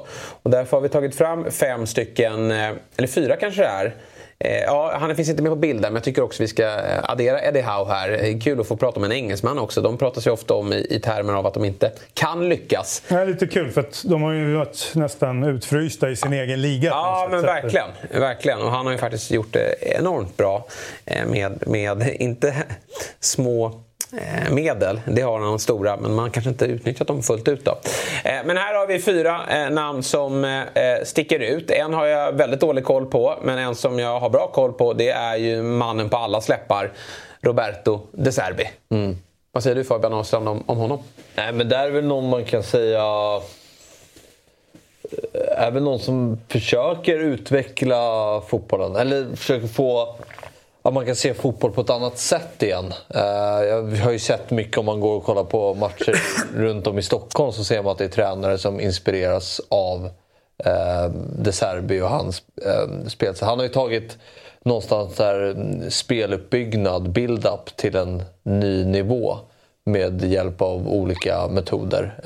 Det är hela vägen upp i Allsvenskan. Värnamo är egentligen som att se Brighton, Brighton, Brighton i slow motion. Ja. FC Stockholm som vi pratade om att spela på ett liknande sätt. Mm. Uh, jag vet, man själv när man växte upp och hade haft tränare har man hela tiden fått höra på det här höj bolltempot, vänd spelet mm. och så här. Han går ju nästan emot eh, motsatta hållet. Att dra ner på tempot, vänta på Avvakta. motståndarna och se mm. vad de gör. Ja, men det är en eh. intressant eh, aspekt i det, precis som du säger. För fotbollen har ju gått dit att eh, först Guardiola inte minst, men så att återerövringen blev helt annan. Men mm.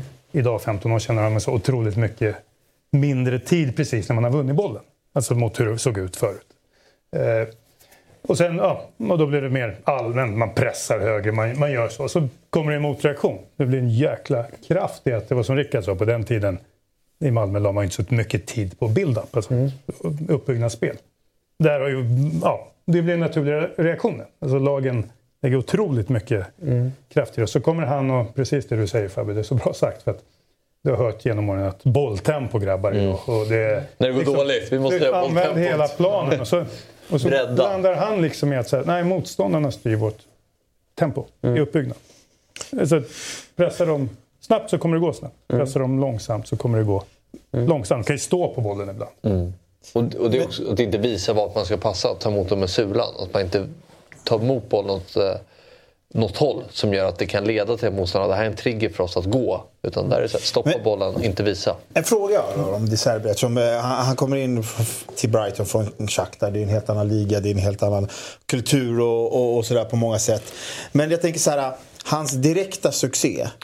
Tror du Potters förarbete har, alltså, har mycket i det att göra? Att, att, jag säger inte att de spelar jättelik fotboll, men han var ändå där och jobbade Brighton till ett annat typ, typ av lag än vad de var innan. Alltså, tror du förarbetet av den tränaren som var innan har, har stor påverkan på att han lyckades direkt? Ja. Eh, dels eh, en eh, Potter sa väl i Swansea, va? Eller mm. sådär. Och, sådär att, äh, först var det liksom att slå upp bollen någon gång. Alltså, mm. där i Championship. Men nu har de vant sig. Liksom. Nu gillar de det här.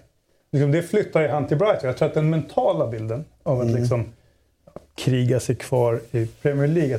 Potter vände den. Vi kan göra lite mer. Vi kan vara smarta på transfermarknaden. Alltså, eh, vi kan vara strategiska. Vi kan ha något helt eget. Så jag tror att det kanske inte är Potters taktiska grejer. Men jag tror att klubben har väldigt sådär att mm, vi behöver någon mer som är rätt innovativ. Vi behöver, han hjälpte nog dem. Han sa inte vem de skulle ta, det är jag helt övertygad om. Men han fick, hjälpte dem nog att tänka runt fotboll på något sätt. Så att det blev rätt med...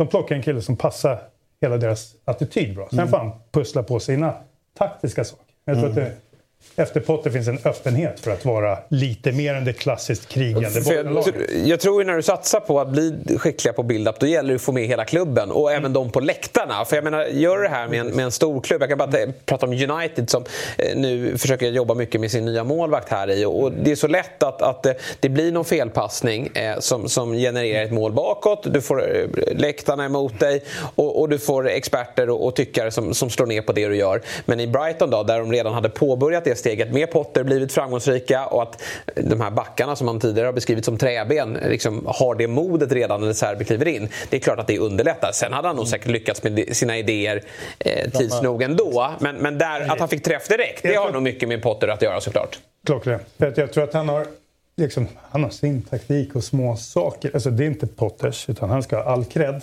Men jag tror att Potter slog in en dörr. Precis. Att här, det går att göra lite mer än att vara det här försvarande bottenlaget och hoppas på nytt kontrakt. Alltså, vi kan mer. Och det är lite Potters grej. Liksom, spräcka lite gränser, vara lite drömmare, vara lite innovatör.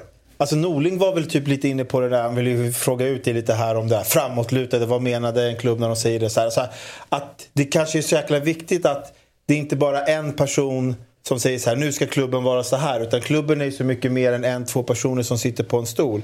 Så att det här med, du är inne på med att Potter byggde upp den kulturen i Brighton. Att fan, vi ska inte bara tjonga och kriga. Utan det här laget kan spela väldigt mycket fotboll. Och sen tar de in, som du säger, att Leipzig gör, de tar in en kompetent människa efter det. Här har ju Brighton tagit in en människa som verkligen är kompetent på den build-upen som, eller hela den kulturen som kanske Potter var med och skapade. Det, tror jag är en, jag tror ändå att det är en jävlig framgångssaga för honom. Alltså, inte att det, det är inget frukostbord han kommer till, men det är ju inte från noll. Nej. Och relativt ska vi säga, enade, men han säljer en vänsterback till Chelsea. Och sen står man med, ska vi vara ärliga, kanske en bättre vänsterback. Det har gått flera hundra miljoner plus bara för det. Alltså duktig struktur där de har liksom, och där har ju också Potter genom åren varit duktig. alltså, och ju- Lära folk tänka hur man bygger fotbollsklubb. Och det finns ju det finns en tydlighet också att här, ja, men vi har det här arbetssättet. Det blir mycket lättare då att värva spelare. För i dagens fotboll är det ju tråkigt nog de rikaste som oftast vinner. Det är allt tydligare idag än det var för 15 år sedan. Kolla Champions League, det är inte samma konkurrens längre. Det är bara vissa klubbar som når till, till, till, till semifinal och final. Med vissa undantag. Mm. Men jag menar, då, då behöver du ju kunna hitta andra arbetssätt för att kunna konkurrera. Det finns ju ett annat bra exempel i La Liga, Girona, Mm. som jag är också så här intressant av. De, när de möter Real Madrid, det spelar ingen roll. För att då, de ska förlo- om de förlorar matchen ska de förlora på sitt sätt. Det är inte det här gamla att man möter ett storlag och så bara backar hem. Utan man har skapat sig förutsättningar för att kunna konkurrera på sina, med, med sina resurser. Jag, såg att så här, jag såg att de ledde La Liga och så såg jag att Daley Blind var där. tänkte jag, men då måste man göra rätt saker. För han var ju en av världens bästa backar i Ajax. Alltså, det, är, det, det är City Group som äger Girona. Så det är ingen, det är ingen, det är ingen eh, bonde från... eh, Alltså, de har tunga, det är okej. tunga Ja, artilleri Girona bakom. är kanske ett dåligt exempel. Men alltså jag förstår... ja, nu, det, det, det, det, det, är Ja, så- ja, men det, de har ju inte plöjt ner miljarder, men, men absolut. Det finns kloka hjärnor där uppe som vet hur man bygger upp en fotbollsklubb. men det är ändå fascinerande att de är mätta. Där är ju Brighton också. De köper ju inte super-CV. De bryr sig rätt lite om CV, Mm. men de vet exakt de värvar egenskaper. Och det är ju så du kan slå åt sen lite grann. Mm. Ja, man, man sa ju det när, när Liverpool gick miste om Caicedo som gick till Chelsea. Eh, Då sa man ju till Liverpool att ta den som Brighton jagar nu som ersättare istället. Samtidigt då, så en, en sån spelare kanske behöver då Brighton som ett första steg. För det är ju skillnad på att kliva in i ett Liverpool. Då. Eh, De Serbis nästa steg innan vi går vidare från honom. Vad, vad, skulle, du, vad skulle du vilja se honom? Ja, men han är väl en av, ja, det finns en annan på den där listan också som... eh, Jag tror att om du tog topp 15, om du tänker mäktigaste klubbarna, vilka det är nu kan vi diskutera Mm. lite Ja. grann, men ni förstår. Och de fick göra en lista på tre namn, nästa tränare, så är han nog med, förmodligen med på i princip alla listor. Så att, eh, det är ju de största, största, som det är hans nästa steg. Ja. Kul att följa. Eh, Nästa gubbe då. Fernando Diniz. Mm. Har jag väldigt dålig koll på. Ja, det Ni får berätta för mig vem det här är. Jag har sett hans namn, men jag har aldrig sett hans lag spela fotboll. Det här är ju- nu i Brasilien. Det här är ju lite. Twitter, eller nu heter det X. Det är lite X-hipster om man liksom... Det, här, även det är lite kul ibland att titta utanför, det vill säga varje dag. Ja. Och, eh, han har ju också en mycket, mycket speciell stil. Så att, eh, ja, du var ju ganska bra. Ja, bra, men jag tyckte det är väl lite det här eh, Henrik Rydström och gubbarna i Malmö tar mycket av inspiration ifrån. Alltså den här... Nu pratar vi Värnamo. De Cherby, så det där ordet det fanns ju inte för två år sedan. Nej. är man liksom allmänt vedertaget. Relationism. Liksom. Och där är väl i så fall re- relationismens fader i modern fotboll. Ah, ja. Men vet du hur, alltså, hur- har, är ni så djupa så ni vet hur han jobbar med den relationism? Alltså jag är som dig, jag har noll koll på, på killen. Men alltså det, det står relationism, men alltså hur, har han, har han uttryckt sätt att han jobbar, hur han jobbar med det på? Nej, men det, det tydliga är ju att det, det, när man ser deras matcher så är det ju eh, anmärkningsvärt hur planen kan se ut ibland. Att det kan stå en hel planhalva tom för att alla spelar på en sida. Att alla de överbelastar en viss yta och så ska de... Det finns ju fantastiska så här stillbilder eller småklipp när det åtta man på en tre meter bre- bred yta. Utav en kant till. Jag brukar säga använd hela planen. Eller, Apropå... Så här, åtta mot fyra på en yta. Det ser ut som en sån här övning på träning som de har brutit ut och satt ner vid höger sidlinje. Eller ibland i mitten. Eller, att extrem, han är extrem och därför... Och har också poppat upp lite här och där. Lite som du säger i Malmö och sådär. Så att därav.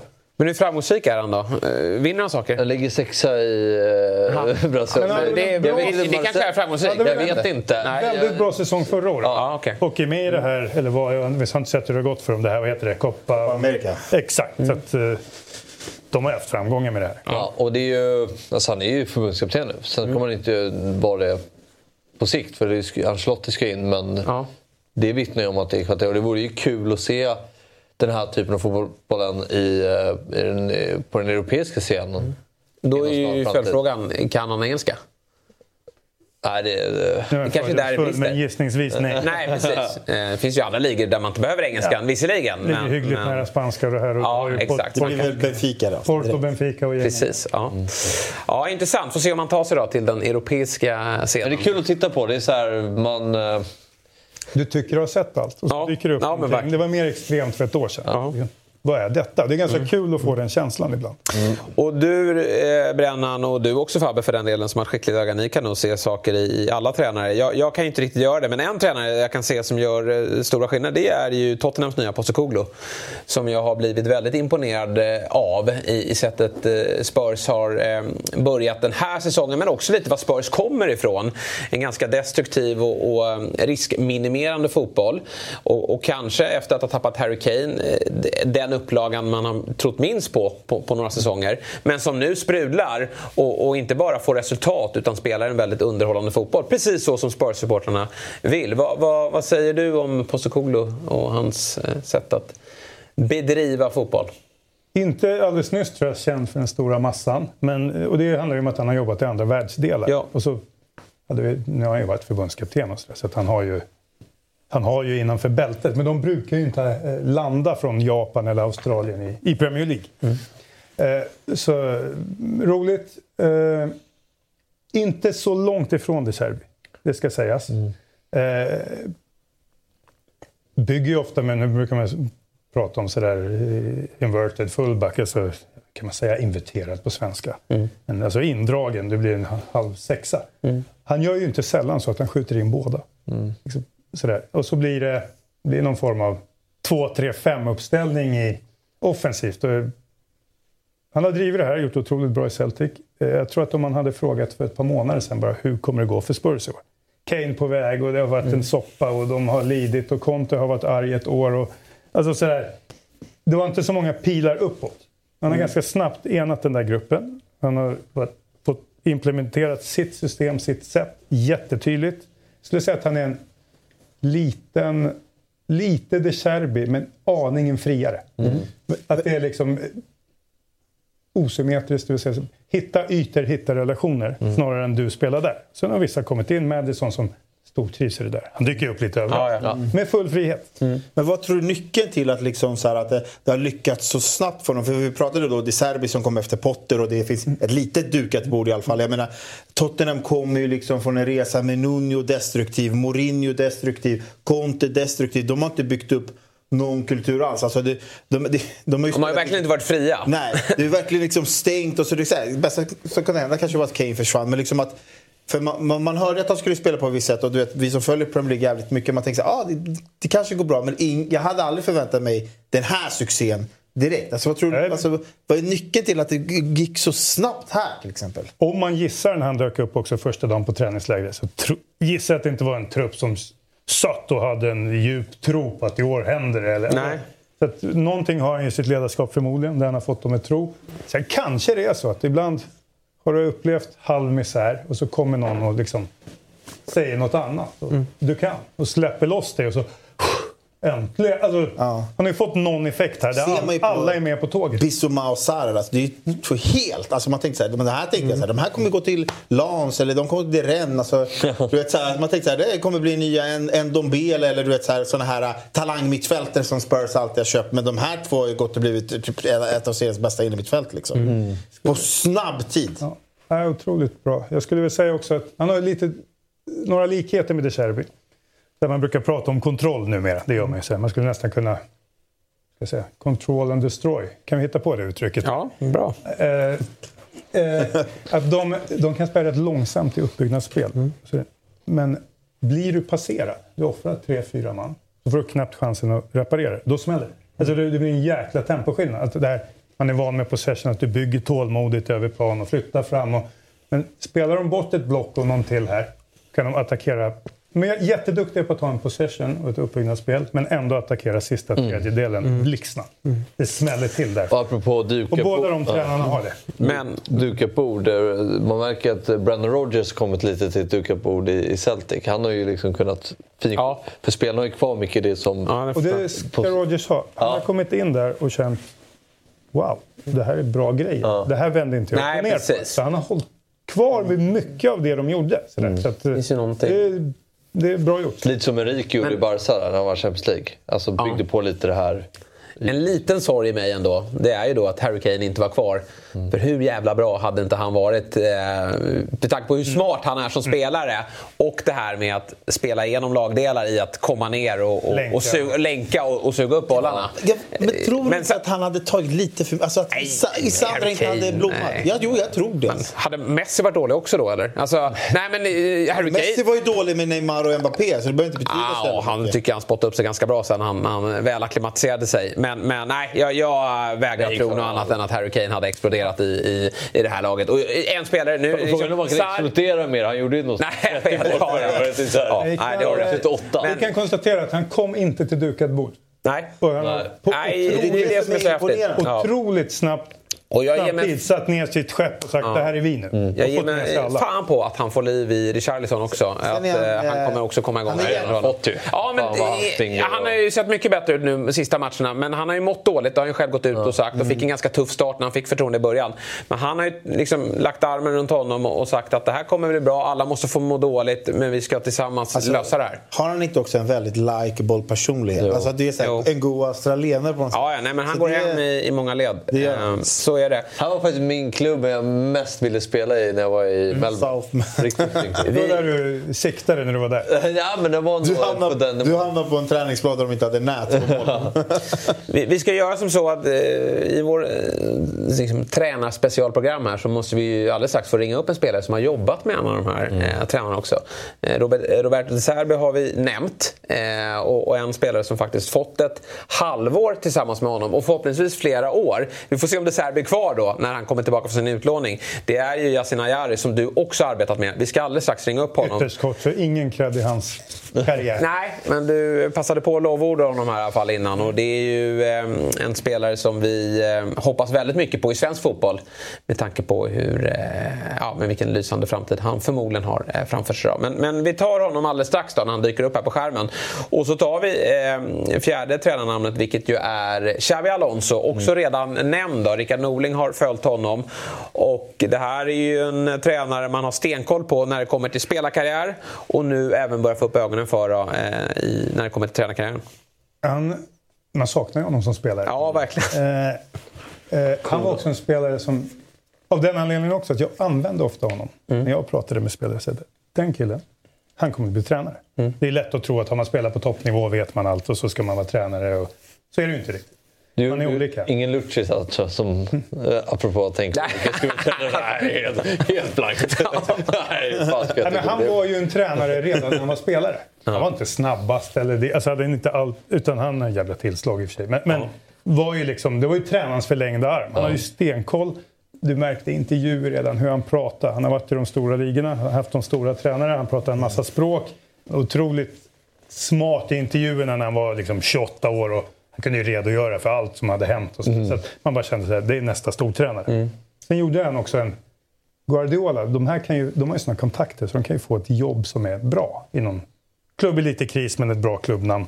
Han gick ju liksom hem till Baskien va? Och tog något reservlag eller junior. Alltså jobbade lite Ja. som Guardiola gjorde först. Gjorde jobbet. Så när han väl dök upp på den stora scenen då var han redo. Men tror du att det är nyckel liksom sett till, alltså, för vi har ju sett till exempel Pillo, Lampard, det är ju färska liksom som, som har tagit en, en kanske lite för stort steg direkt. Tror du att det, här var lite nyckel, att han gick den vägen? Jag tror att de frågar alla tränare i början så här. Men Lampard gick väl ganska... Derby var i... Var det inte men, eh, det ändå... Han var väl akademin först eller? Möj, möjligt. Fort gick det ändå. Men om du frågar alla tränare deras fjärde tränarår så här. Ja, kanske. Hur gjorde du för tre, fyra år sedan? Och nu, skulle du ändra något? Ja, för fan, då gjorde jag si. Mm. Alltså, Du får göra lite de minerna. Lär, hur mycket du än vet, du ska få ihop det på något sätt. Mm. Så att, då borde jag kommunicerat bättre. Eller, alltså, jag tror de där två, tre åren på lite under topp. För att göra jobbet. Du har x antal matcher. Och det är så lätt att, att bränna sig också. Vi, vi, Samtal med besvikna spelare, Ja. ägare eller vad det nu är. Att du får göra det, inte i Manchester United. Mm. Nej, exakt. Men jag tänker så här, det, det, det, jag- det jag tänker det kan handla mycket om prestige. Att han, vadå, ska han, gå, alltså, han har vunnit Champions League med Liverpool, Real Madrid, han har varit i, i Bayern München. Vadå gå och träna Real Sociedads B-lag och prata med någon? Alltså, så här, men jag tror så här, alltså, man måste ha en jävla... eh, Hur ska man förklara? Så man måste vara... Det är lite prestigelös. Ja, Det är jättevanligt för mig. Jag har gamla spelare. Som jag säger, och så blir de tränare. Då ringer de. Och fy fan André, alltså du, du, Ja. du, exakt, nu vet du hur det är va? Liksom lite grann så här, du, de bara är på mig hela tiden och frågar mig om allt och det är där och någon är sur för att han inte... Så där var du också. Alltså, du får ett år när du liksom, du tycker att du vet allt. Men, men Det är inte bara att eh, dra på sig slipsen och stå och gestikulera vid en vid en sidlinje.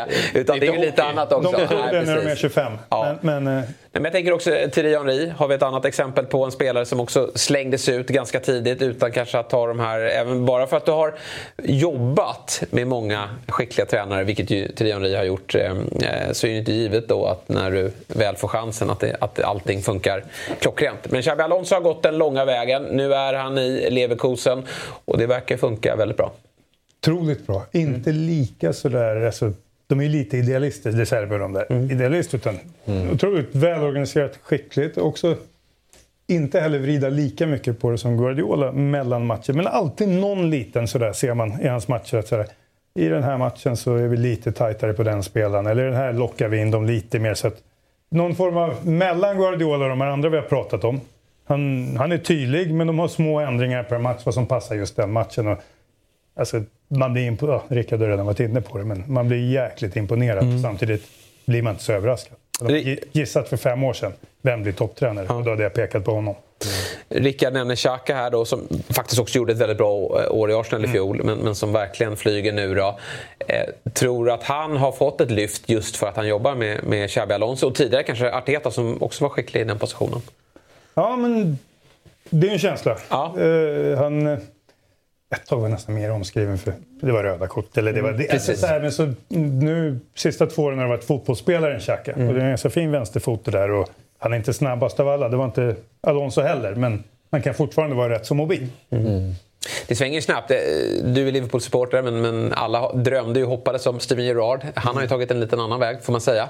Eh, nu är det väl nästa ja. gubbe då, Xabi Alonso, eh, som ju har en fin historia där. Men jag kan tänka mig också att även Real Madrid eh, är där och kollar eh, på... Ja. Sen är frågan, är han en Real Madrid-tränare då? Det är en viss typ av tränare kan jag känna. Ja, men det är det ju. Men jag, vi var inne på tidigare här att någon var inne på storklubbarnas listor. Jag mm. tror att han gick en långsam väg i början. Jag tror att det i slutändan kommer jämnas ut. Ja. Det kommer bli en väldigt, väldigt snabb väg. Ja, det går snabbt. Jag tror att få Bayern München, Real, Liverpool och så vidare skriva en lista på fem namn. Han är där. Mm. Han pratar dessutom språken. Han ja. har en trovärdighet i allt han gör egentligen. Mm. Coolt, tycker jag. Nu hörni, ska vi prata med en spelare då, eh, som har jobbat med ett av namnen vi har nämnt vid flera tillfällen redan idag. Då. Eh, vi ska rulla ner här eh, och så ska vi göra som så att vi från länk då, eh, i Coventry bor han numera. Eh, men i, i våras då så var det ju i Brighton. Vi säger eh, varmt välkommen till Fotbollsmorgon, Yasin Ayari.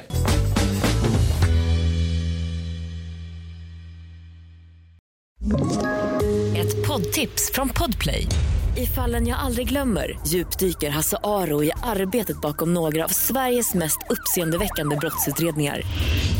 Går vi in med hemlig telefonavlyssning och, och då upplever vi att vi får en total förändring av hans beteende. Vad är det som händer nu? Vem är det som läcker? Och så säger han att jag är kriminell, jag har varit kriminell i hela mitt liv men att mörda ett barn, där går min gräns. Nya säsongen av Fallen jag aldrig glömmer på Podplay. Vi säger eh, varmt välkommen till Fotbollsmorgon, Yasin Ayari. Tack så jättemycket. Tack. Du, eh, hur är läget borta i England? Det är jättebra. Det är jättebra. Jag lever drömmen, spelar fotboll med min familj här med mig. Så jag kan inte klaga. Du, jag intervjuade din eh, brorsa, lillebror här, Taha, eh, tidigare i veckan och han nämnde att du har, eh, Coventry ligger nära, det är ju Birmingham, eh, ligger nära Brighton och att du har dragit flyttlasset dit. Hur, hur, hur gick funderingarna när du fick höra om Coventrys eh, intresse att låna dig? Nej, det var, det var mer att det var inte bara Coventry som ville låna mig utan det var flera andra klubbar eh, utomlands också. Men eh, Brighton eh, som är en riktigt bra klubb på när det kommer till att utveckla unga spelare tänkte att just i Championship är det den ligan som är mest närmast Premier League och där jag kan utvecklas mest när det kommer till fysiken, när det kommer till eh, tempot och allt det där rutinen. Så då var det Coventry och uh, Championship som jag tänkte var det bästa valet. Mm. Hur har första tiden varit här nu då i, eh, i klubben, känner du? Nej, det har varit bra. Det, det, är, en, det är en skillnad från eh, till exempel Allsvenskan och Championship. Det är väldigt, väldigt stor skillnad. Alltså, tempot är nästan lika som Premier League. Eh, så jag skulle mest säga att tempot är stora skillnader men jag tycker det här var det bästa jag någonsin kunde ha gjort. Jag får mina minuter, jag får mina matcher, jag får tempot, jag får Eh, Eh, erfarenheten och det kommer hjälpa mig väldigt mycket i min karriär. Mm. Jag minns ju dig väldigt väl från, från AIK-tiden. En, eh, liksom, en nummer åtta-spelare skulle jag säga. Jobbar eh, hårt i, i, båda riktningar men, men har spetskvaliteter i det offensiva spelet. Men, men eh, vad, vad, har du för position i Coventry? Är du en eh, mer framskjuten spelare eller är du en defensivt inriktad spelare? Som du säger, AIK var mer som en åtta box to box. Eh, jag kan spela på alla de positionerna. 6, 8, 10 för mig spelar absolut ingen roll. Som du säger, jag har spetskvaliteter längre upp. Eh, som jag också vill använda eh, genom att eh, bidra till assist och mål. Men eh, just nu så spelar jag lite mer offensiv roll eh, på mittfältet.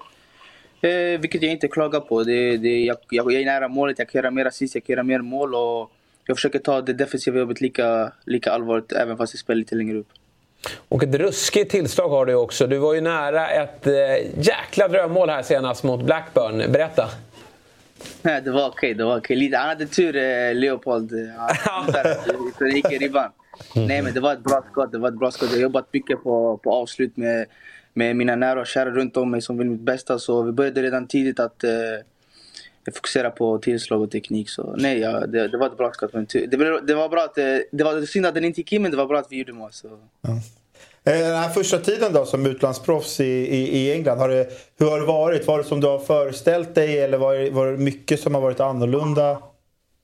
Nej, jag hade inte, alltså om jag ska vara helt ärlig, när, när, det, kom, när det kom upp på tal så att jag skulle till, till Brighton och Premier League så var det inte mycket att jag föreställde mig Eh, hur det ska vara. Utan jag, jag tog mina väskor och åkte direkt för det är där jag vill. Jag vill åka till de största ligorna, jag vill spela de bästa lagen och utvecklas så mycket som möjligt. Och sen eh, Brighton, när de, när de kom så det, det gick inte att tacka nej. Ni ser själva hur de spelar, hur de presterar och eh, jag tror alla som har jobbat med De Zerbi bara hyllar honom och jag tror alla har sagt att eh, han gör alla han jobbar med bättre. Och jag känner sen dagen jag kom dit, jag har bara blivit en bättre spelare. Både som person och eh, som fotbollsspelare.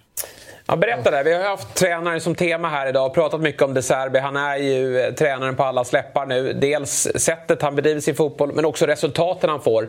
Vad, vad skulle du säga? Vad, vad, är det som är så speciellt med De Serbi? Nej, han, han fokuserar väldigt mycket på detaljer. Eh, när det kommer till träningarna, passningar, ta emot. Alltså allt ska vara perfekt. För eh, så som man tränar, så som man spelar. Det, det är fakta, det är så det är. Eh, och han är väldigt krävande. Men, och ibland han kan vara väldigt krävande så det, man tror att han hatar dig. Men det, han vill bara ditt bästa. Han kan vara väldigt jobbig. Men i slutet av dagen så är det det bästa han vill dig och det är kanske därför alla pratar så gott om honom. För alla som har varit hos honom har bara sagt massa positiva grejer och alla har blivit en mycket, fotboll, mycket bättre fotbollsspelare eh, efter de har varit hos honom. Så han är en väldigt bra fotbollstränare och jag är väldigt, väldigt glad att jag får chansen att eh, träna, var, han var, att, att han ska vara min tränare. Så jag är väldigt glad över det. Du nämner detaljer, att så här, hur man tar emot bollen, hur man passar bollen.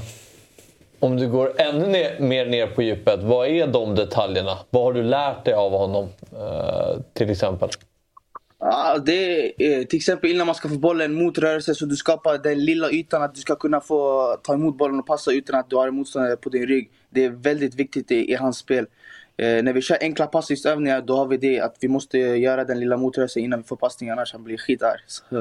Det, det är sådana grejer som, som, eh, som är lite mer specifika. Men det, det är miljoner grejer. Alltså jag tror man måste vara där på träningsanläggningen och på träningar för att kunna förstå helheten. Annars är det svårt att förklara bara så här. Du har ju tränat med alla de här duktiga namnen nu i, i, i Brighton. Eh, ja, det, det vimlar ju av dem. Vi ser ju att De nyttjar ju bredden också. Det är ju, det är full rotation. Det kan ju dyka upp en elva på helgen och så en annan elva i eh, Europa League-spelet på, på torsdagar. Vilka spelare skulle du säga sticker ut i, i träning som du har jobbat med det senaste halvåret? Vilka är de bästa i Brighton? Nej, vi har ju såklart de som eh, såldes för det här året till eh, de stora klubbarna. Det, det är självklart. Prissumman och lagen talar för sig själva hur bra de var. Eh, och så har vi eh, Dank som, eh, som är en otrolig fin mitt, mittback. Fina fötter, smart. Eh, eh, men jag, jag, tror att själva, grej, själva spelsystemet och själva, själva sättet vi spelar på gör så att alla lyser upp om du förstår vad jag menar. Eh, mm. Kanske folk som in, egentligen inte är så, alltså, så bra på att spela den fina fotbollen, de blir det. Och sen så säger man nu att de är alltså, riktigt fina fotbollsspelare. Så jag tror helheten gör att alla blir så bra. Så som jag sa, Dank, vi har eh, Estopinian som jag tycker är just nu, jag, jag ser ingen som är bättre än på vänsterbacken i Premier League faktiskt om jag ska vara ärlig. Mm. Men, men eh, du som spelare då, alltså så här, vilken, vilken egenskap hos en tränare uppskattar du mest? Jag uppskattar förståelse, jag uppskattar eh, demands på engelska, jag har glömt vad det är på svenska. Jag har varit där för länge. Krav, krav. Krav, exakt. Krav. Och, och du blev internationell. Exakt, exakt. Jag har varit här för länge. Eh, och jag, nej, som jag sa. Disciplinen ska vara där, men framförallt att man ska ha tro för varandra. Det ska inte bara vara tränare och spelare relation, utan ni ska kunna ha en normal relation. Och det, mm. det, det gör så att det bildar en, en tro, alltså jag, jag tror på det som spelare. Och jag tror det är väldigt viktigt och jag tror det är ganska bra. För utanför planen så kan vi gå och snacka om massa andra grejer man har en tillit och när han säger något så vet jag att det, det är på riktigt, han vill mitt bästa.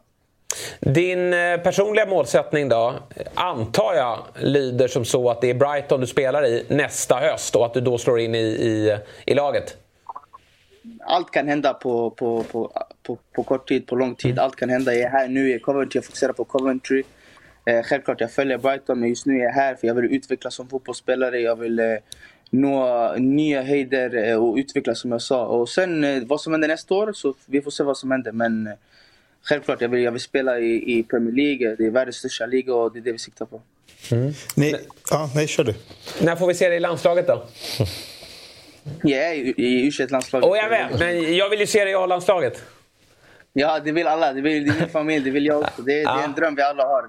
Nej, jag måste bara prestera. Det, det, det är så det är. Det är stor konkurrens. Vi i Sverige har väldigt fina talanger. Eh, vi ser bara nu i, i A-landslaget att det finns jättemånga, jättemånga unga bra spelare. Så jag, jag stressar inte när det kommer till det. Jag, vi har ett väldigt bra u lag där jag tycker vi, vi kan komma jättelångt med en fantastisk tränare med fantastiska spelare. Men som du säger, nej, A-laget det, det, det är drömmen. Det, det är det jag siktar på just nu och eh, ja, vi får se när det händer. Min, ja, min nästa fråga var just om u landslaget Du fick ju ändå kaptensbindeln där mot, eh, mot Nordmakedonien. Och vi hade Lado med här förra veckan och då frågade vi hur stor sannolikheten är att ni upprepar 2015, att ni tar ett eh, eh, guld. Hur ser du på det då? Eh, jag, ser, jag kommer inte säga vad han svarar. Men... Okej, okej, okej. Först och främst, eh, det är en ära att eh, bära kaptensbindeln för sitt land. Det är en otrolig stolthet. Men Nej, jag tycker jag har, jag har egenskaperna för att, för att bära kaptensbindeln. Jag, jag, jag sätter stor press på mig själv, jag sätter stor press på mina lagkamrater runt omkring mig för vi ska nå de, eh, de höjderna vi vill. Och som du sa 2015, det, det, jag tycker vi har eh, laget och ledarna och allt runt omkring för att vi ska kunna göra det. Och jag tror inte det är omöjligt. Jag tror vi har riktiga bra chanser. Även, även fast vi förlorade senaste matchen, jag tror ändå det finns jättemycket hopp. Mm. Bra, Lado sa det är fokus på nästa match. Det är det enda vi har i huvudet. Ja, man, ska, man ska drömma stort. Man ska drömma stort, Yasin. Och eh, vi följer dig eh, med glädje här i fortsättningen. Hade du sista frågan? Ja, jag, bara, jag tänkte bara fråga, hur mycket följer du AIK och lillebrorsan? Man har ändå sett dig där på läktaren många gånger, men hur mycket hinner du nu då när du har flyttat till Coventry och tränar och spelar mycket? Kolla varje match, jag missar inte en sekund. Eh, AIK det är mitt lag, jag är uppväxt i AIK sedan jag var liten. Eh, min brorsa som du säger nu spelar där. Eh, ja, och jag, jag, är glad, jag är glad över att de har börjat eh, eh komma tillbaks lite i alla fall, även fast det går lite knackigt. Eh, och, så, och, som du sa, jag följer brorsan. Eh, det är just därför jag kollar allra mest. Men jag tycker... I, alltså det, det är synd i svensk fotboll i alla fall, när man, om jag ska jämföra här och i Sverige. Som jag sa tidigare, De Zerbi ni, ni sa det själva, han byter elva varje vecka. Och mm. han, han ger förtroende till, till vem som helst. Om du klarar av att spela på den positionen och den nivån du ska spela oavsett hur gammal det är, vad du heter, vart du kommer ifrån. Och jag tror det där i svensk fotboll vi har lite att och, och, uh, uh, jobba på. För just till exempel nu, unga spelare i, i Allsvenskan, de får en chans, de hoppar in 15 minuter och sen uh, tre, fyra, fem matcher efter så sitter de på bänken 90 minuter. Hur ska han kunna utvecklas? Hur ska han kunna jobba mm. på det han, han kan bli mm. bättre på? Det kommer inte på träning sådana där grejer. Sådana där grejer kommer på match. Det är sådana där grejer som, som gör stor skillnad när det kommer till unga. Och, eh, och jag tycker till exempel min brorsa nu, han har gjort det riktigt bra. De inhoppen han har gjort, alltså, han har förändrat matcherna. Och sen han går tillbaka på bänken och sen när han försöker när, när han egentligen borde starta enligt mig så är han på bänken. Och det, det gör så att det, det, det, blir en process och det tar på en fysiskt och mentalt. Så mm. Vi måste jobba mer på det. Väl talat Yasin. Mm, jag skriver under på varenda sak du säger där. Eh, och eh, jag kan tänka mig en liten dröm för er då. Att eh, bilda ett, eh, spela i ett svenskt landslag tillsammans med Taha och även Dejan Kulusevski va, som är lite form av släkting nu också va? Ja, exakt, exakt. Nej, det är en dröm såklart. Jag, jag och brorsan, han spelar lite i AIK i alla fall, så det var, det var första målet och sen eh, så blir det så blir A-landslaget eh, andra målet. Då. Ja, härligt! Yasin, jättekul att ha dig med eh, i detta program och intressant att höra dina tankar. Och, och stort lycka till nu framöver!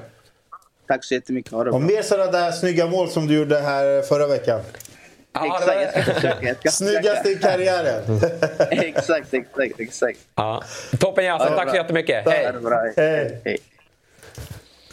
Klok herre. Ja. Och väldigt duktig fotbollsspelare. Ja, väldigt bra. Du fick ju som sagt bara jobba med honom i några veckor innan han försvann där till just Brighton. Och... Eh, Ja, det var synd för, för AIK-publiken och kanske för hela allsvenskan. Han, han slog igenom förra hösten, eh, men man hade gärna sett honom spela ett halvår till. Men, men det är klart att när De Serbi ringer då, då, är det kanske svårt att, att tacka nej. Då åker man. Mm. Vad har han för eh, liksom, egenskaper tycker du som sticker ut? Så han är ju jättebra i fotboll. Alltså, han är ju modern fotbollsspelare, det är svårt att säga. Men han, är, han nämner det själv, han kan spela på tre positioner på mittfältet. Jag skulle inte säga sexa. Han kan spela där, ja. det vore slöseri. Ja, tycker jag också. Eftersom han är så pass bra att ta sig in utan boll i farliga ytor och så. Du skulle lite grann låsa fast honom där och ta bort en del av det han har. Eh, inte så stor, men aggressiv och... Ja, bra pressspelare. Bra Ja. pressspelare. Och, men det som sticker ut tycker jag att eh, jag har inte haft många djupgående samtal med honom eller på något sätt. Men jag har sett honom och man ser honom ganska många timmar i matsalar och på träningsplanen. Han har, han har ett elithuvud. Liksom. Mm. Så när du, efter en månad känner du så den här killen kommer bli fotbollsproffs och det kommer gå bra. Jag tycker jag imponerade mycket under hösten AIK, för det gick ju väldigt tungt för AIK. Förlorade många matcher, det var få spelare som verkligen var i form. Men han tog ju verkligen saken i egna händer. Och I fel var roll också. bärande, Ja, och var bärande match efter match. Mm. Eh, Han var den som stack ut. Ja, ja, verkligen. verkligen. Jag tycker ändå att han, han, jag tycker ändå han tar upp en viktig poäng här med, med, med unga spelare i Allsvenskan. Att det blir sådär att de får chansen i kanske 15 minuter eller kanske en halvlek och sen blir det tillbaks på bänken i fyra, fem matcher. Grejen att man måste förstå, vi diskuterade ju den här nya unga generationen innan programmet och att det finns en annan mentalitet att jobba med där. Det är så här, man kan ju förstöra de här unga talangerna när man håller på på det sättet. Att de bara får kanske 15 minuter. Sen är det fyra matcher bänk. Alltså, man, man kan döda självförtroendet. Jag menar, de lever kanske Men på så, moment. så där pratar vi om här i de här sammanhangen och i media. Det är så, här, så fort ett lag går dåligt då är det för att de har för unga spelare och inte har ledare i laget.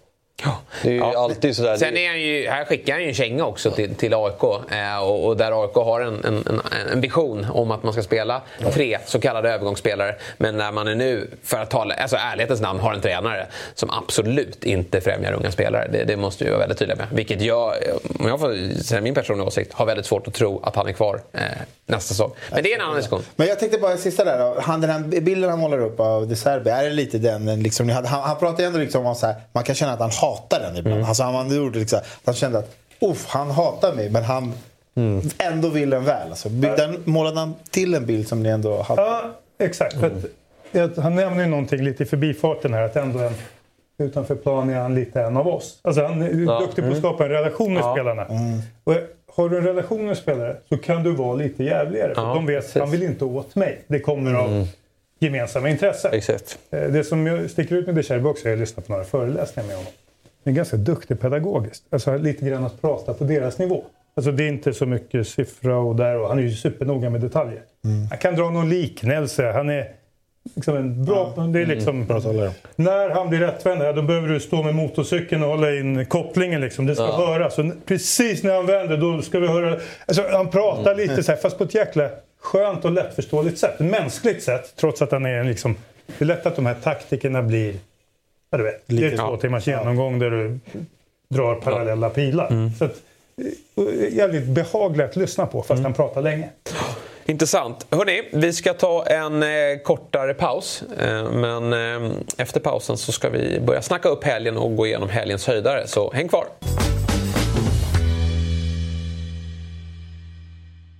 Där är vi tillbaka i Fotbollsmorgon lördag med eh, tränartema eh, som eh, har, eh, det mesta har handlat kring idag.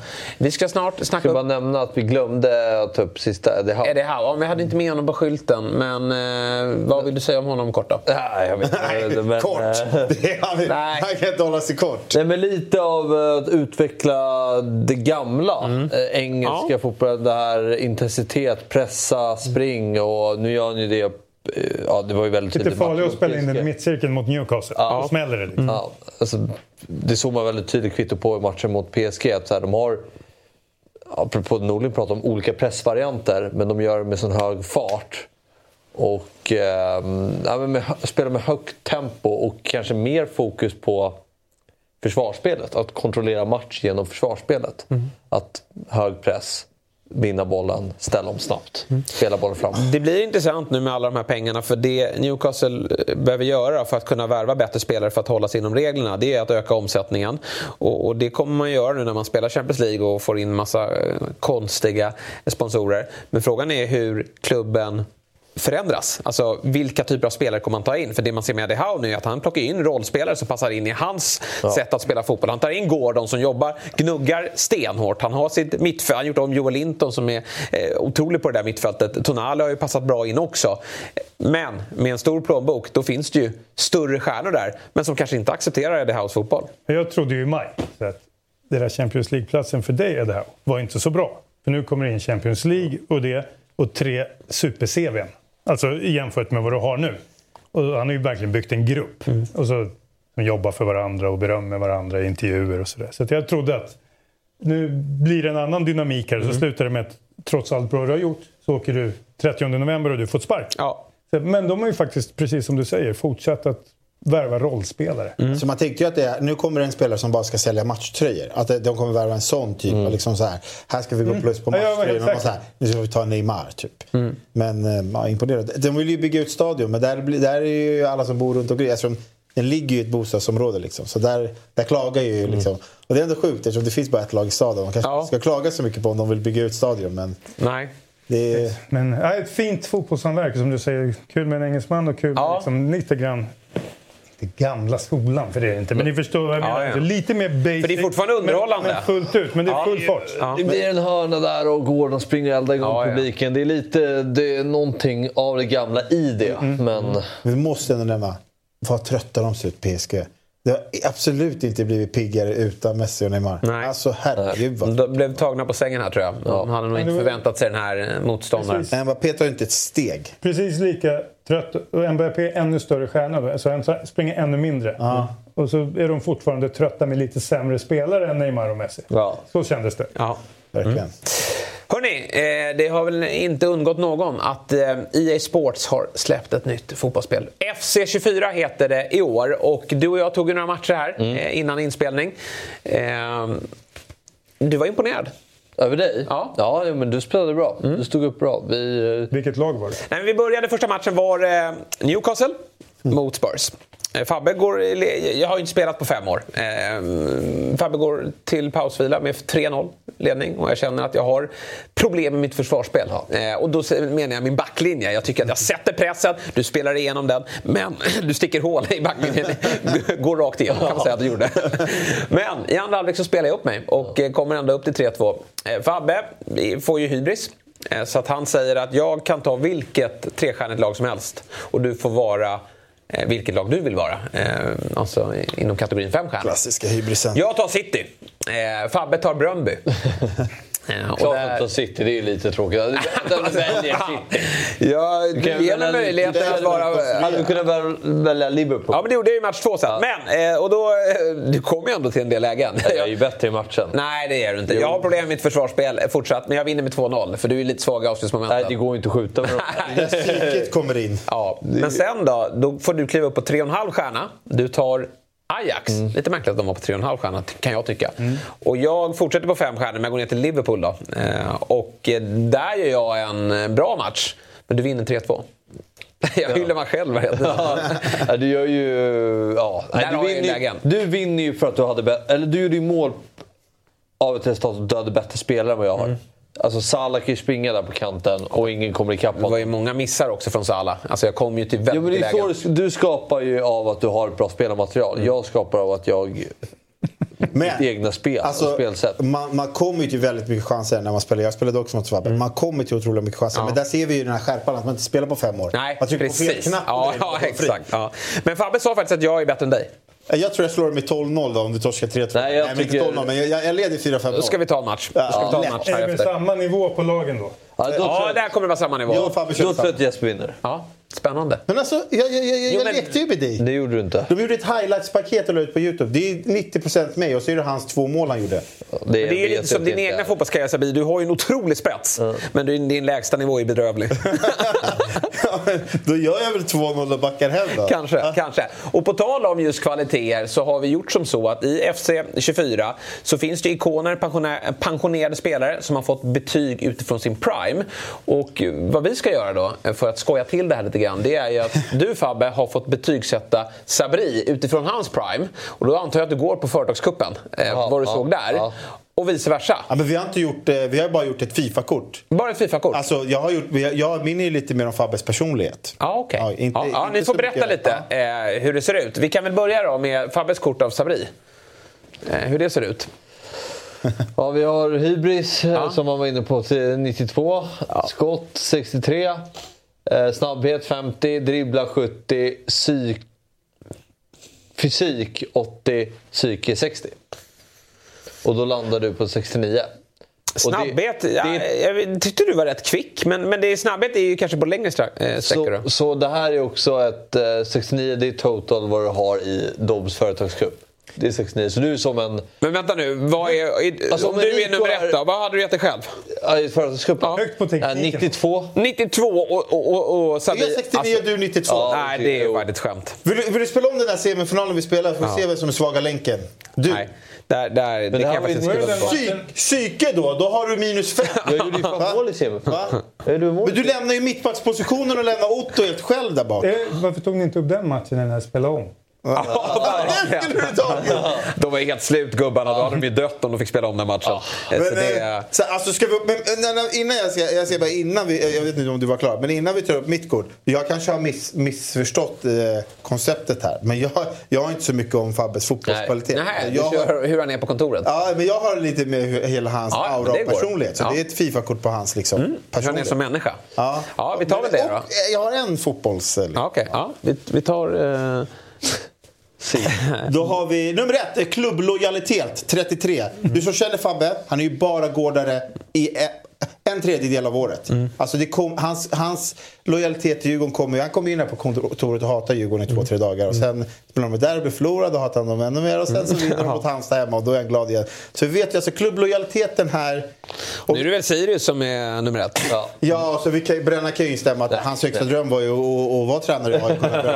När Brännan och Acke var där samtidigt då var det inte konstigt att det dök upp en AIK-tröja på kontoret. klubblojaliteten, sådär. Ja. Quiz däremot. Mm. 90. Ja, det är Jäkligt vass i quiz. Det vet du också, du har ju mött honom i quiz. Ja, nej, men där är han skicklig. Sen har han ju mycket tur i quiz, vilket stör mig. Och han har ju, men han har ju en smart teknik där i de här frågorna. Snabbast på bollen då, när man ska rabbla upp, ja, men till exempel vilka tre lag åkte ur Premier League. Då väntar han ju och låter motståndaren göra fel och så snappar han upp de grejerna ju, som är rätt och så adderar han det som är rätt. Ja, men det är ju spelets ja, nej, han, är, han är alltså, skicklig. Han är, skicklig. smart där. Ja, nästan ska eh, ha högre betyg. Ja, men den här kan du ju också instämma Zona ut. Mm. Eh, har ju Fabbe 80. Du vet, Fabbe är den enda människan som kan starta en konversation med dig och medan du svarar, då zonar han ut. Alltså han, han, bara, han bara svävar iväg någon annanstans. Och så man bara, hallå Fabbe, pratar jag, pratar jag med en vägg här eller? Och du vet, I fotbollsmorgon när han börjar fibbla med sina... Så zona ut han ju extremt bra på. Sen tog jag en fotbollsgrej, tekniken. Ja. Så svag. Ja, Enda fotbollsspelare som inte kan göra en, en dubbelfot. Alltså, det är så tragiskt vilken dålig teknik han har. Det är så Gustav Svensson, kämpa och kriga. Och, och sen tappar han ju mentaliteten. Hade han haft lite bättre mentalitet då kanske, han, då kanske man hade pratat om dig som nya mittbacken i Sverige. Eftersom mm. det bara krävs att det var gris och mentalitet enligt ja. vissa. Eh, så tekniken, te tekniken är dålig. Sen har vi det här. Alltså, Quizet och den här bra vinnare, de håller lite ihop. För han vinner mycket quiz otroligt, en riktigt äcklig vinnare igen. Mm. Han eh, ska verkligen kasta upp det i ditt ansikte och han ska liksom vara där och han ska skrika, han ska håna. Så han är ju ingen bra vinnare. Det stänker ju lite total. Tror du du var en neutral programledare? Dock vinnare. Ja, dock vinnare. Ja, han är det är ju verkligen. Det är Han är en vinnare. Han vinner mycket. Han är ingen bra vinnare, det kan nej, du hålla med om. Alltså... Och en dålig förlorare, de få gånger han förlorar. Ja. Och, och sen fuskar 75, för han fuskar 75% av gångerna han är med i något mm. Det kan vara så här, kika på grannen, det har vi sett här när vi spelar. Det är inget fusk. det här diskuterade vi senast, för det kommer komma ut så vi hade klipp. Han tycker att om han ser, typ jag satt med datan och med svaren. Om han råkar se det, då är det enligt spelets regler tycker han. Att det, det är liksom, man man får fuska så länge man inte...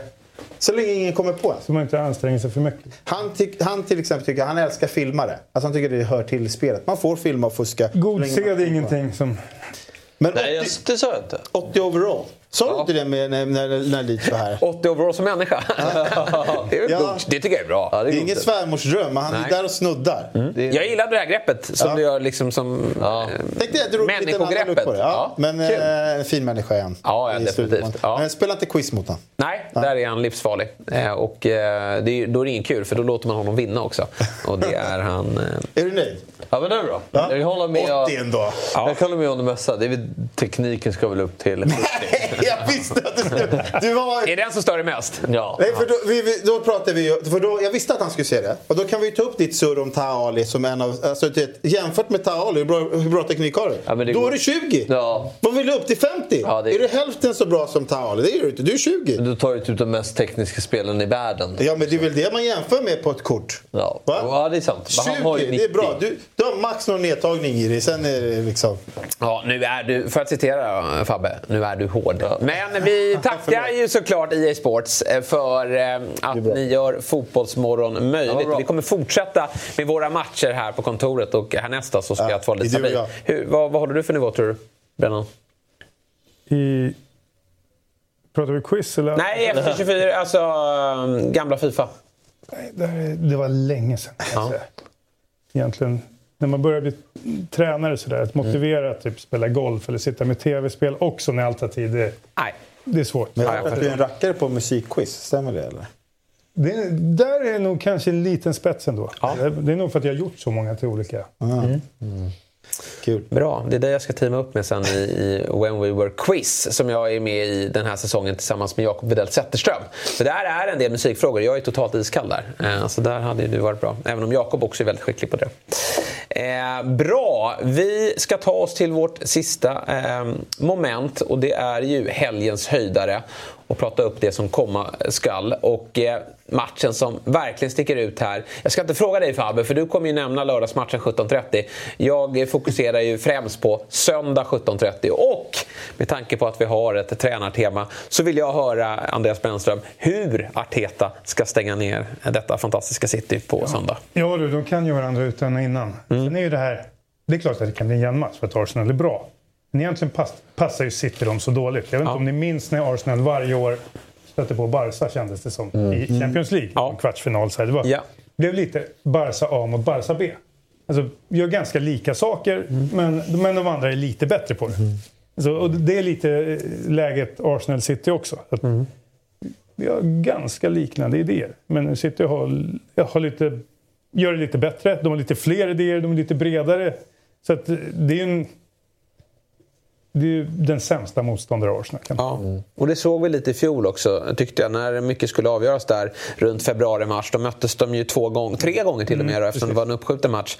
Och jag tyckte att i perioder så gör ju Arsenal bra saker. Det är ett skickligt lag. Ja, det är verkligen. Men, men över 90 minuter så blev det ändå svårt att hålla koll på Peps alla idéer. Vad tror du vi får för matchbild? Öppen, stängd? Ja, men Arsenal hemma sådär, jag tror att de... Det här är vi. Lite den profilen har de ju tagit eh, sista året. Liksom att det är en större tro och det, är, det finns en tro igen och det, resultaten har kommit sådär. Och jag tror inte att City tackar nej till det. Nej, det är precis min tro på den här matchen. Och jag tycker att Arsenal under Arteta har ju tagit kliv för varje säsong. Och det de behöver försöka göra i år då, det är ju att mäkta med den här typen av motstånd och försöka ta en trepoängare i den här typen av matcher. Det, det kommer ju bli svårt, men, men jag tror att de går, kliver in med en tro här, att vi ska kunna klara av det. Eh, och så får vi se hur City svarar. Det är det största testet de har hittills i år. Sen kommer ju City, alltså City innan Leipzig hade de två raka torsk. Alltså mot Wolves, riktig plump. Newcastle, eh, 1-0 torsk var det va? Cupen va? Eh, Det var kuppen exakt. Men eh, det är ändå två, två raka torsk. Det är inte ofta man ser City ha det. Så det, det är väl kanske inte bästa självförtroendet de kommer med. Alltså, så här, det, är inte det, det är inte det bästa City, tänker jag. Så här, Sen De Bruyne är borta. Och, Ja. alltså, det är klart de har haft lite... Rodri out, så det... mm. Men ha- hacket för City ändå väldigt hög nivå. Ja, så är det. Sen har vi ju en, liksom ett, en, en eh, bra förmatch där innan också i form av eh, De Serbis Brighton mot Klopps Liverpool. Där kan det bli åkal. Lite olika filosofier. Vi pratade om ytterligheter förra veckan med... eh, Då var det Burnley mot Newcastle. Här är också lite olika arbetssätt som stött på varandra. Och det tycker jag alltid är kul att titta på. Um, Och Liverpool som har fått en... Jag tycker att Klopp har lyckats med den här lilla eller generationsskiftet, men det är en förändring av laget som, som eh, inte bara ser bra ut spelmässigt utan även har gett en del resultat. Ja, men också ett lag där no- några tror jag många tänkte i juli att nu är det många som lämnar. Och det är, alltså är det slut på en liten era, får vi kalla det ändå. Liksom. Sådär, men han riktigt snabbt fått ordning på det och hittat rätt. Bra nyförvärv. Ja. Men eh, intressant match. Alltså, jag menar, Brighton kommer från 6-1 ja. mot Aston Villa. Eh, sen kan man ju ta in den här Europa League-matcherna, 2-2 mot Marseille. Tror inte heller är ett bra resultat. Nu har man bara en poäng, man torskar mot AIK. Mm. Så det är lite så här. Men jag vet inte, så här, en, en tränare som De Cerbero, när han torskar 6-1, är det så här, det gör inte så mycket för att bara han får se sina spelare spela på det sättet han vill. Att han liksom inte förändrar någonting, även om det står liksom 3-4-0 till Aston Villa. Det känns som att han är en tränare som säger, äh, om den här slutade 3-0 eller 6-1. Jag, jag lär mig någonting från varje Han spelare. blev ju dunderstraffad också. Jag vet inte om ni såg den matchen, men det var ju helt Men. Unai Emery är bra på det. Han anpassar, ju- Det är ju en tränare som mycket anpassar sig efter motståndet. Och han hade ju läst sönder De Serbi här. Liksom. Så då passar det jäkligt bra för de här, ett dubbelmöte i Europa till exempel. Alltså en kort tid, ett dubbelmöte mot dem som vi möter om en månad. Och så gräver han ut resultaten i Europa.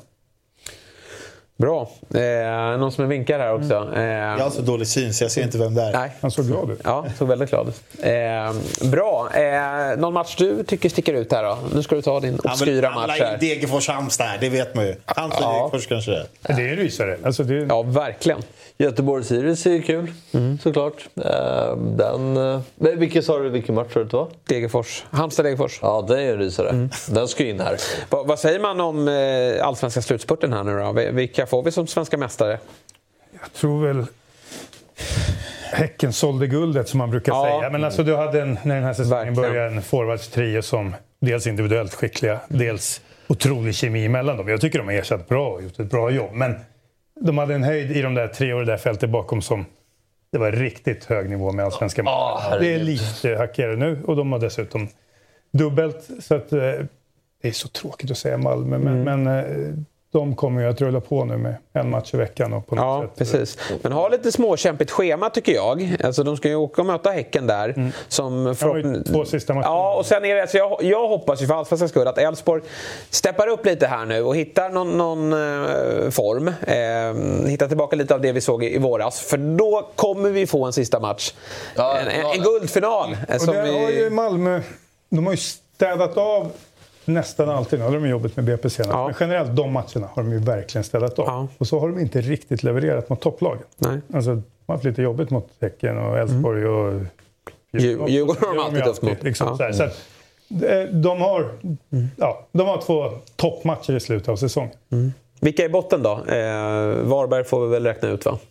Jag, ja, men de är borta. De Mm. eh, sprattlade till för någon månad sedan. Men generellt, de gav ju upp som klubb i sommar. Ja. De började, de, de, signalerna det sänder, Ja. Mm. det är att liksom, vi startar om i Superettan med en hy- hyfsad ekonomi. Eh, Degerfors tittade jag på för lite för någon månad sedan och kände så här, men de har ganska bra schema. Ja. Alltså så här, de har tufft nu, men sen kan det komma en sådär, Mm. oj, lite som Sirius har haft nu när de har vunnit tre raka. Men det som hände senast. Ja. När du sätter dig på den bussen hem, i det läge du är.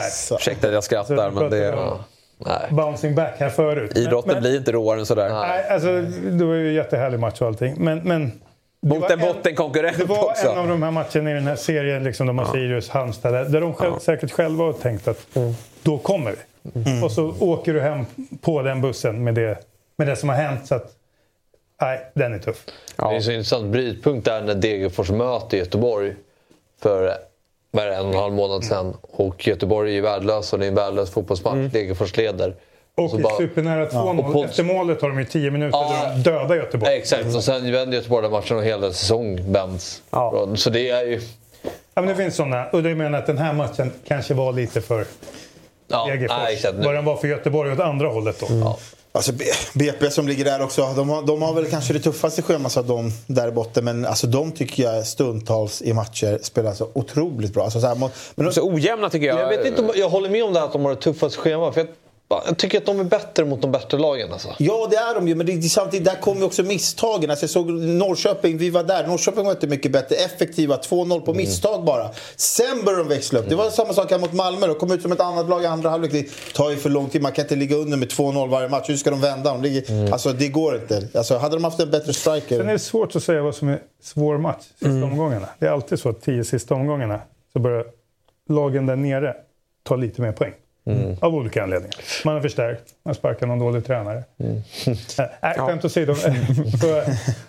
För Eh, så att, och så, det blir alltid likadant varje år. Ja, vi vinner, men de andra vinner också. Ja. Jo, men så ser det ut på hösten. Mm. Alltså, Men alltså, jag tycker- torskar ibland- den här alltså, då blir Nej, det ibland, riktigt... Ja. ibland är det bättre att möta i näst sista omgången Kalmar hemma. Mm. Ja. Som är klara. Men där tycker jag när jag kollar på BP's schema så är det inte så många matcher. De, de har ju svåra lag som dessutom har att spela för. De, de har Elfsborg nu som ju...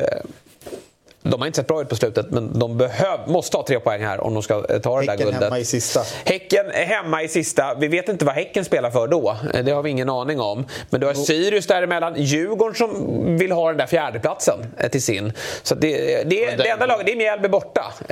De har ju inte så mycket att spela för. Det. Men- Kan inte vinna hemma heller. Nej, de har problem där på Strandvallen. Märkligt nog varför det har blivit så. Men det har ju du sagt förra året att det var en ovan situation från Mjällby att de var klara så tidigt. Nu är de ju klara igen här eh, och får se hur de... Ja, men precis. Alltså, Mjällby har ju varit sådär. Tacklar det. Jaga något. De har gått upp Ja. divisionen. Och, bara, ett par år sedan liksom, när de var på nedflyttningsplats när serien vände. Och så fick de, alltså, de har ju varit sådär. De ska vara lite arga och jaga någonting. Och Ja. plötsligt så är det, det är ingenmansland. Och är etablerade och det är inte riktigt Mjällby. Nej. Även om jag tror att de alltid kommer tycka det är kul att åka upp till Friends och, och förstöra festen. Eh, Det, det spelar ingen roll var man ligger i, Ja, i det får i de chilla med på lörd- äh, idag. Idag. Senare.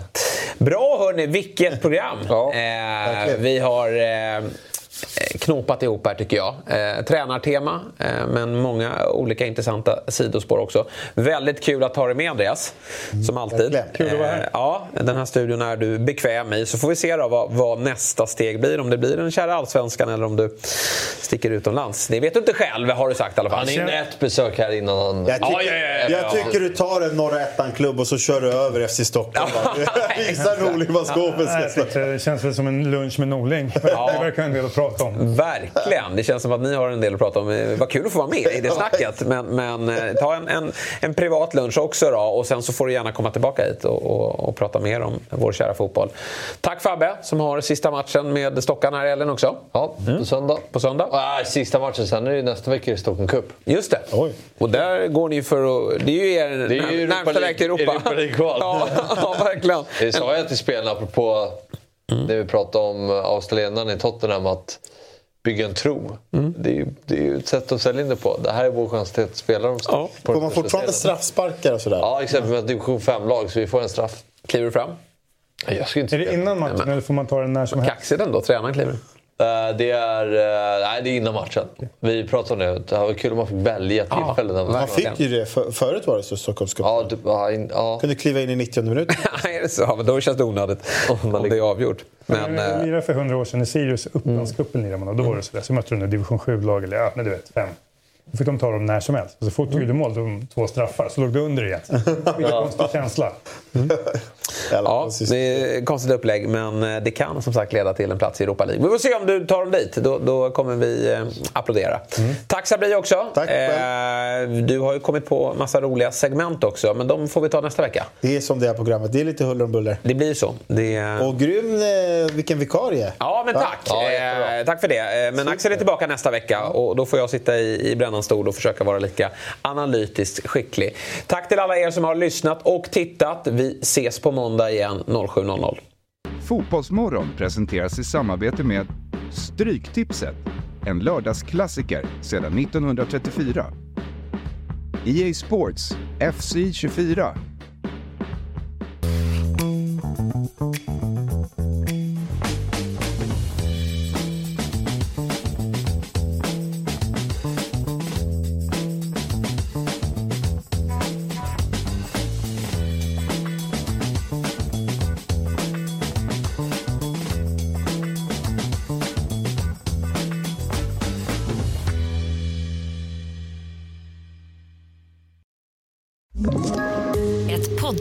Från Podplay. I fallen jag aldrig glömmer djupdyker Hasse Aro i arbetet bakom några av Sveriges mest uppseendeväckande brottsutredningar.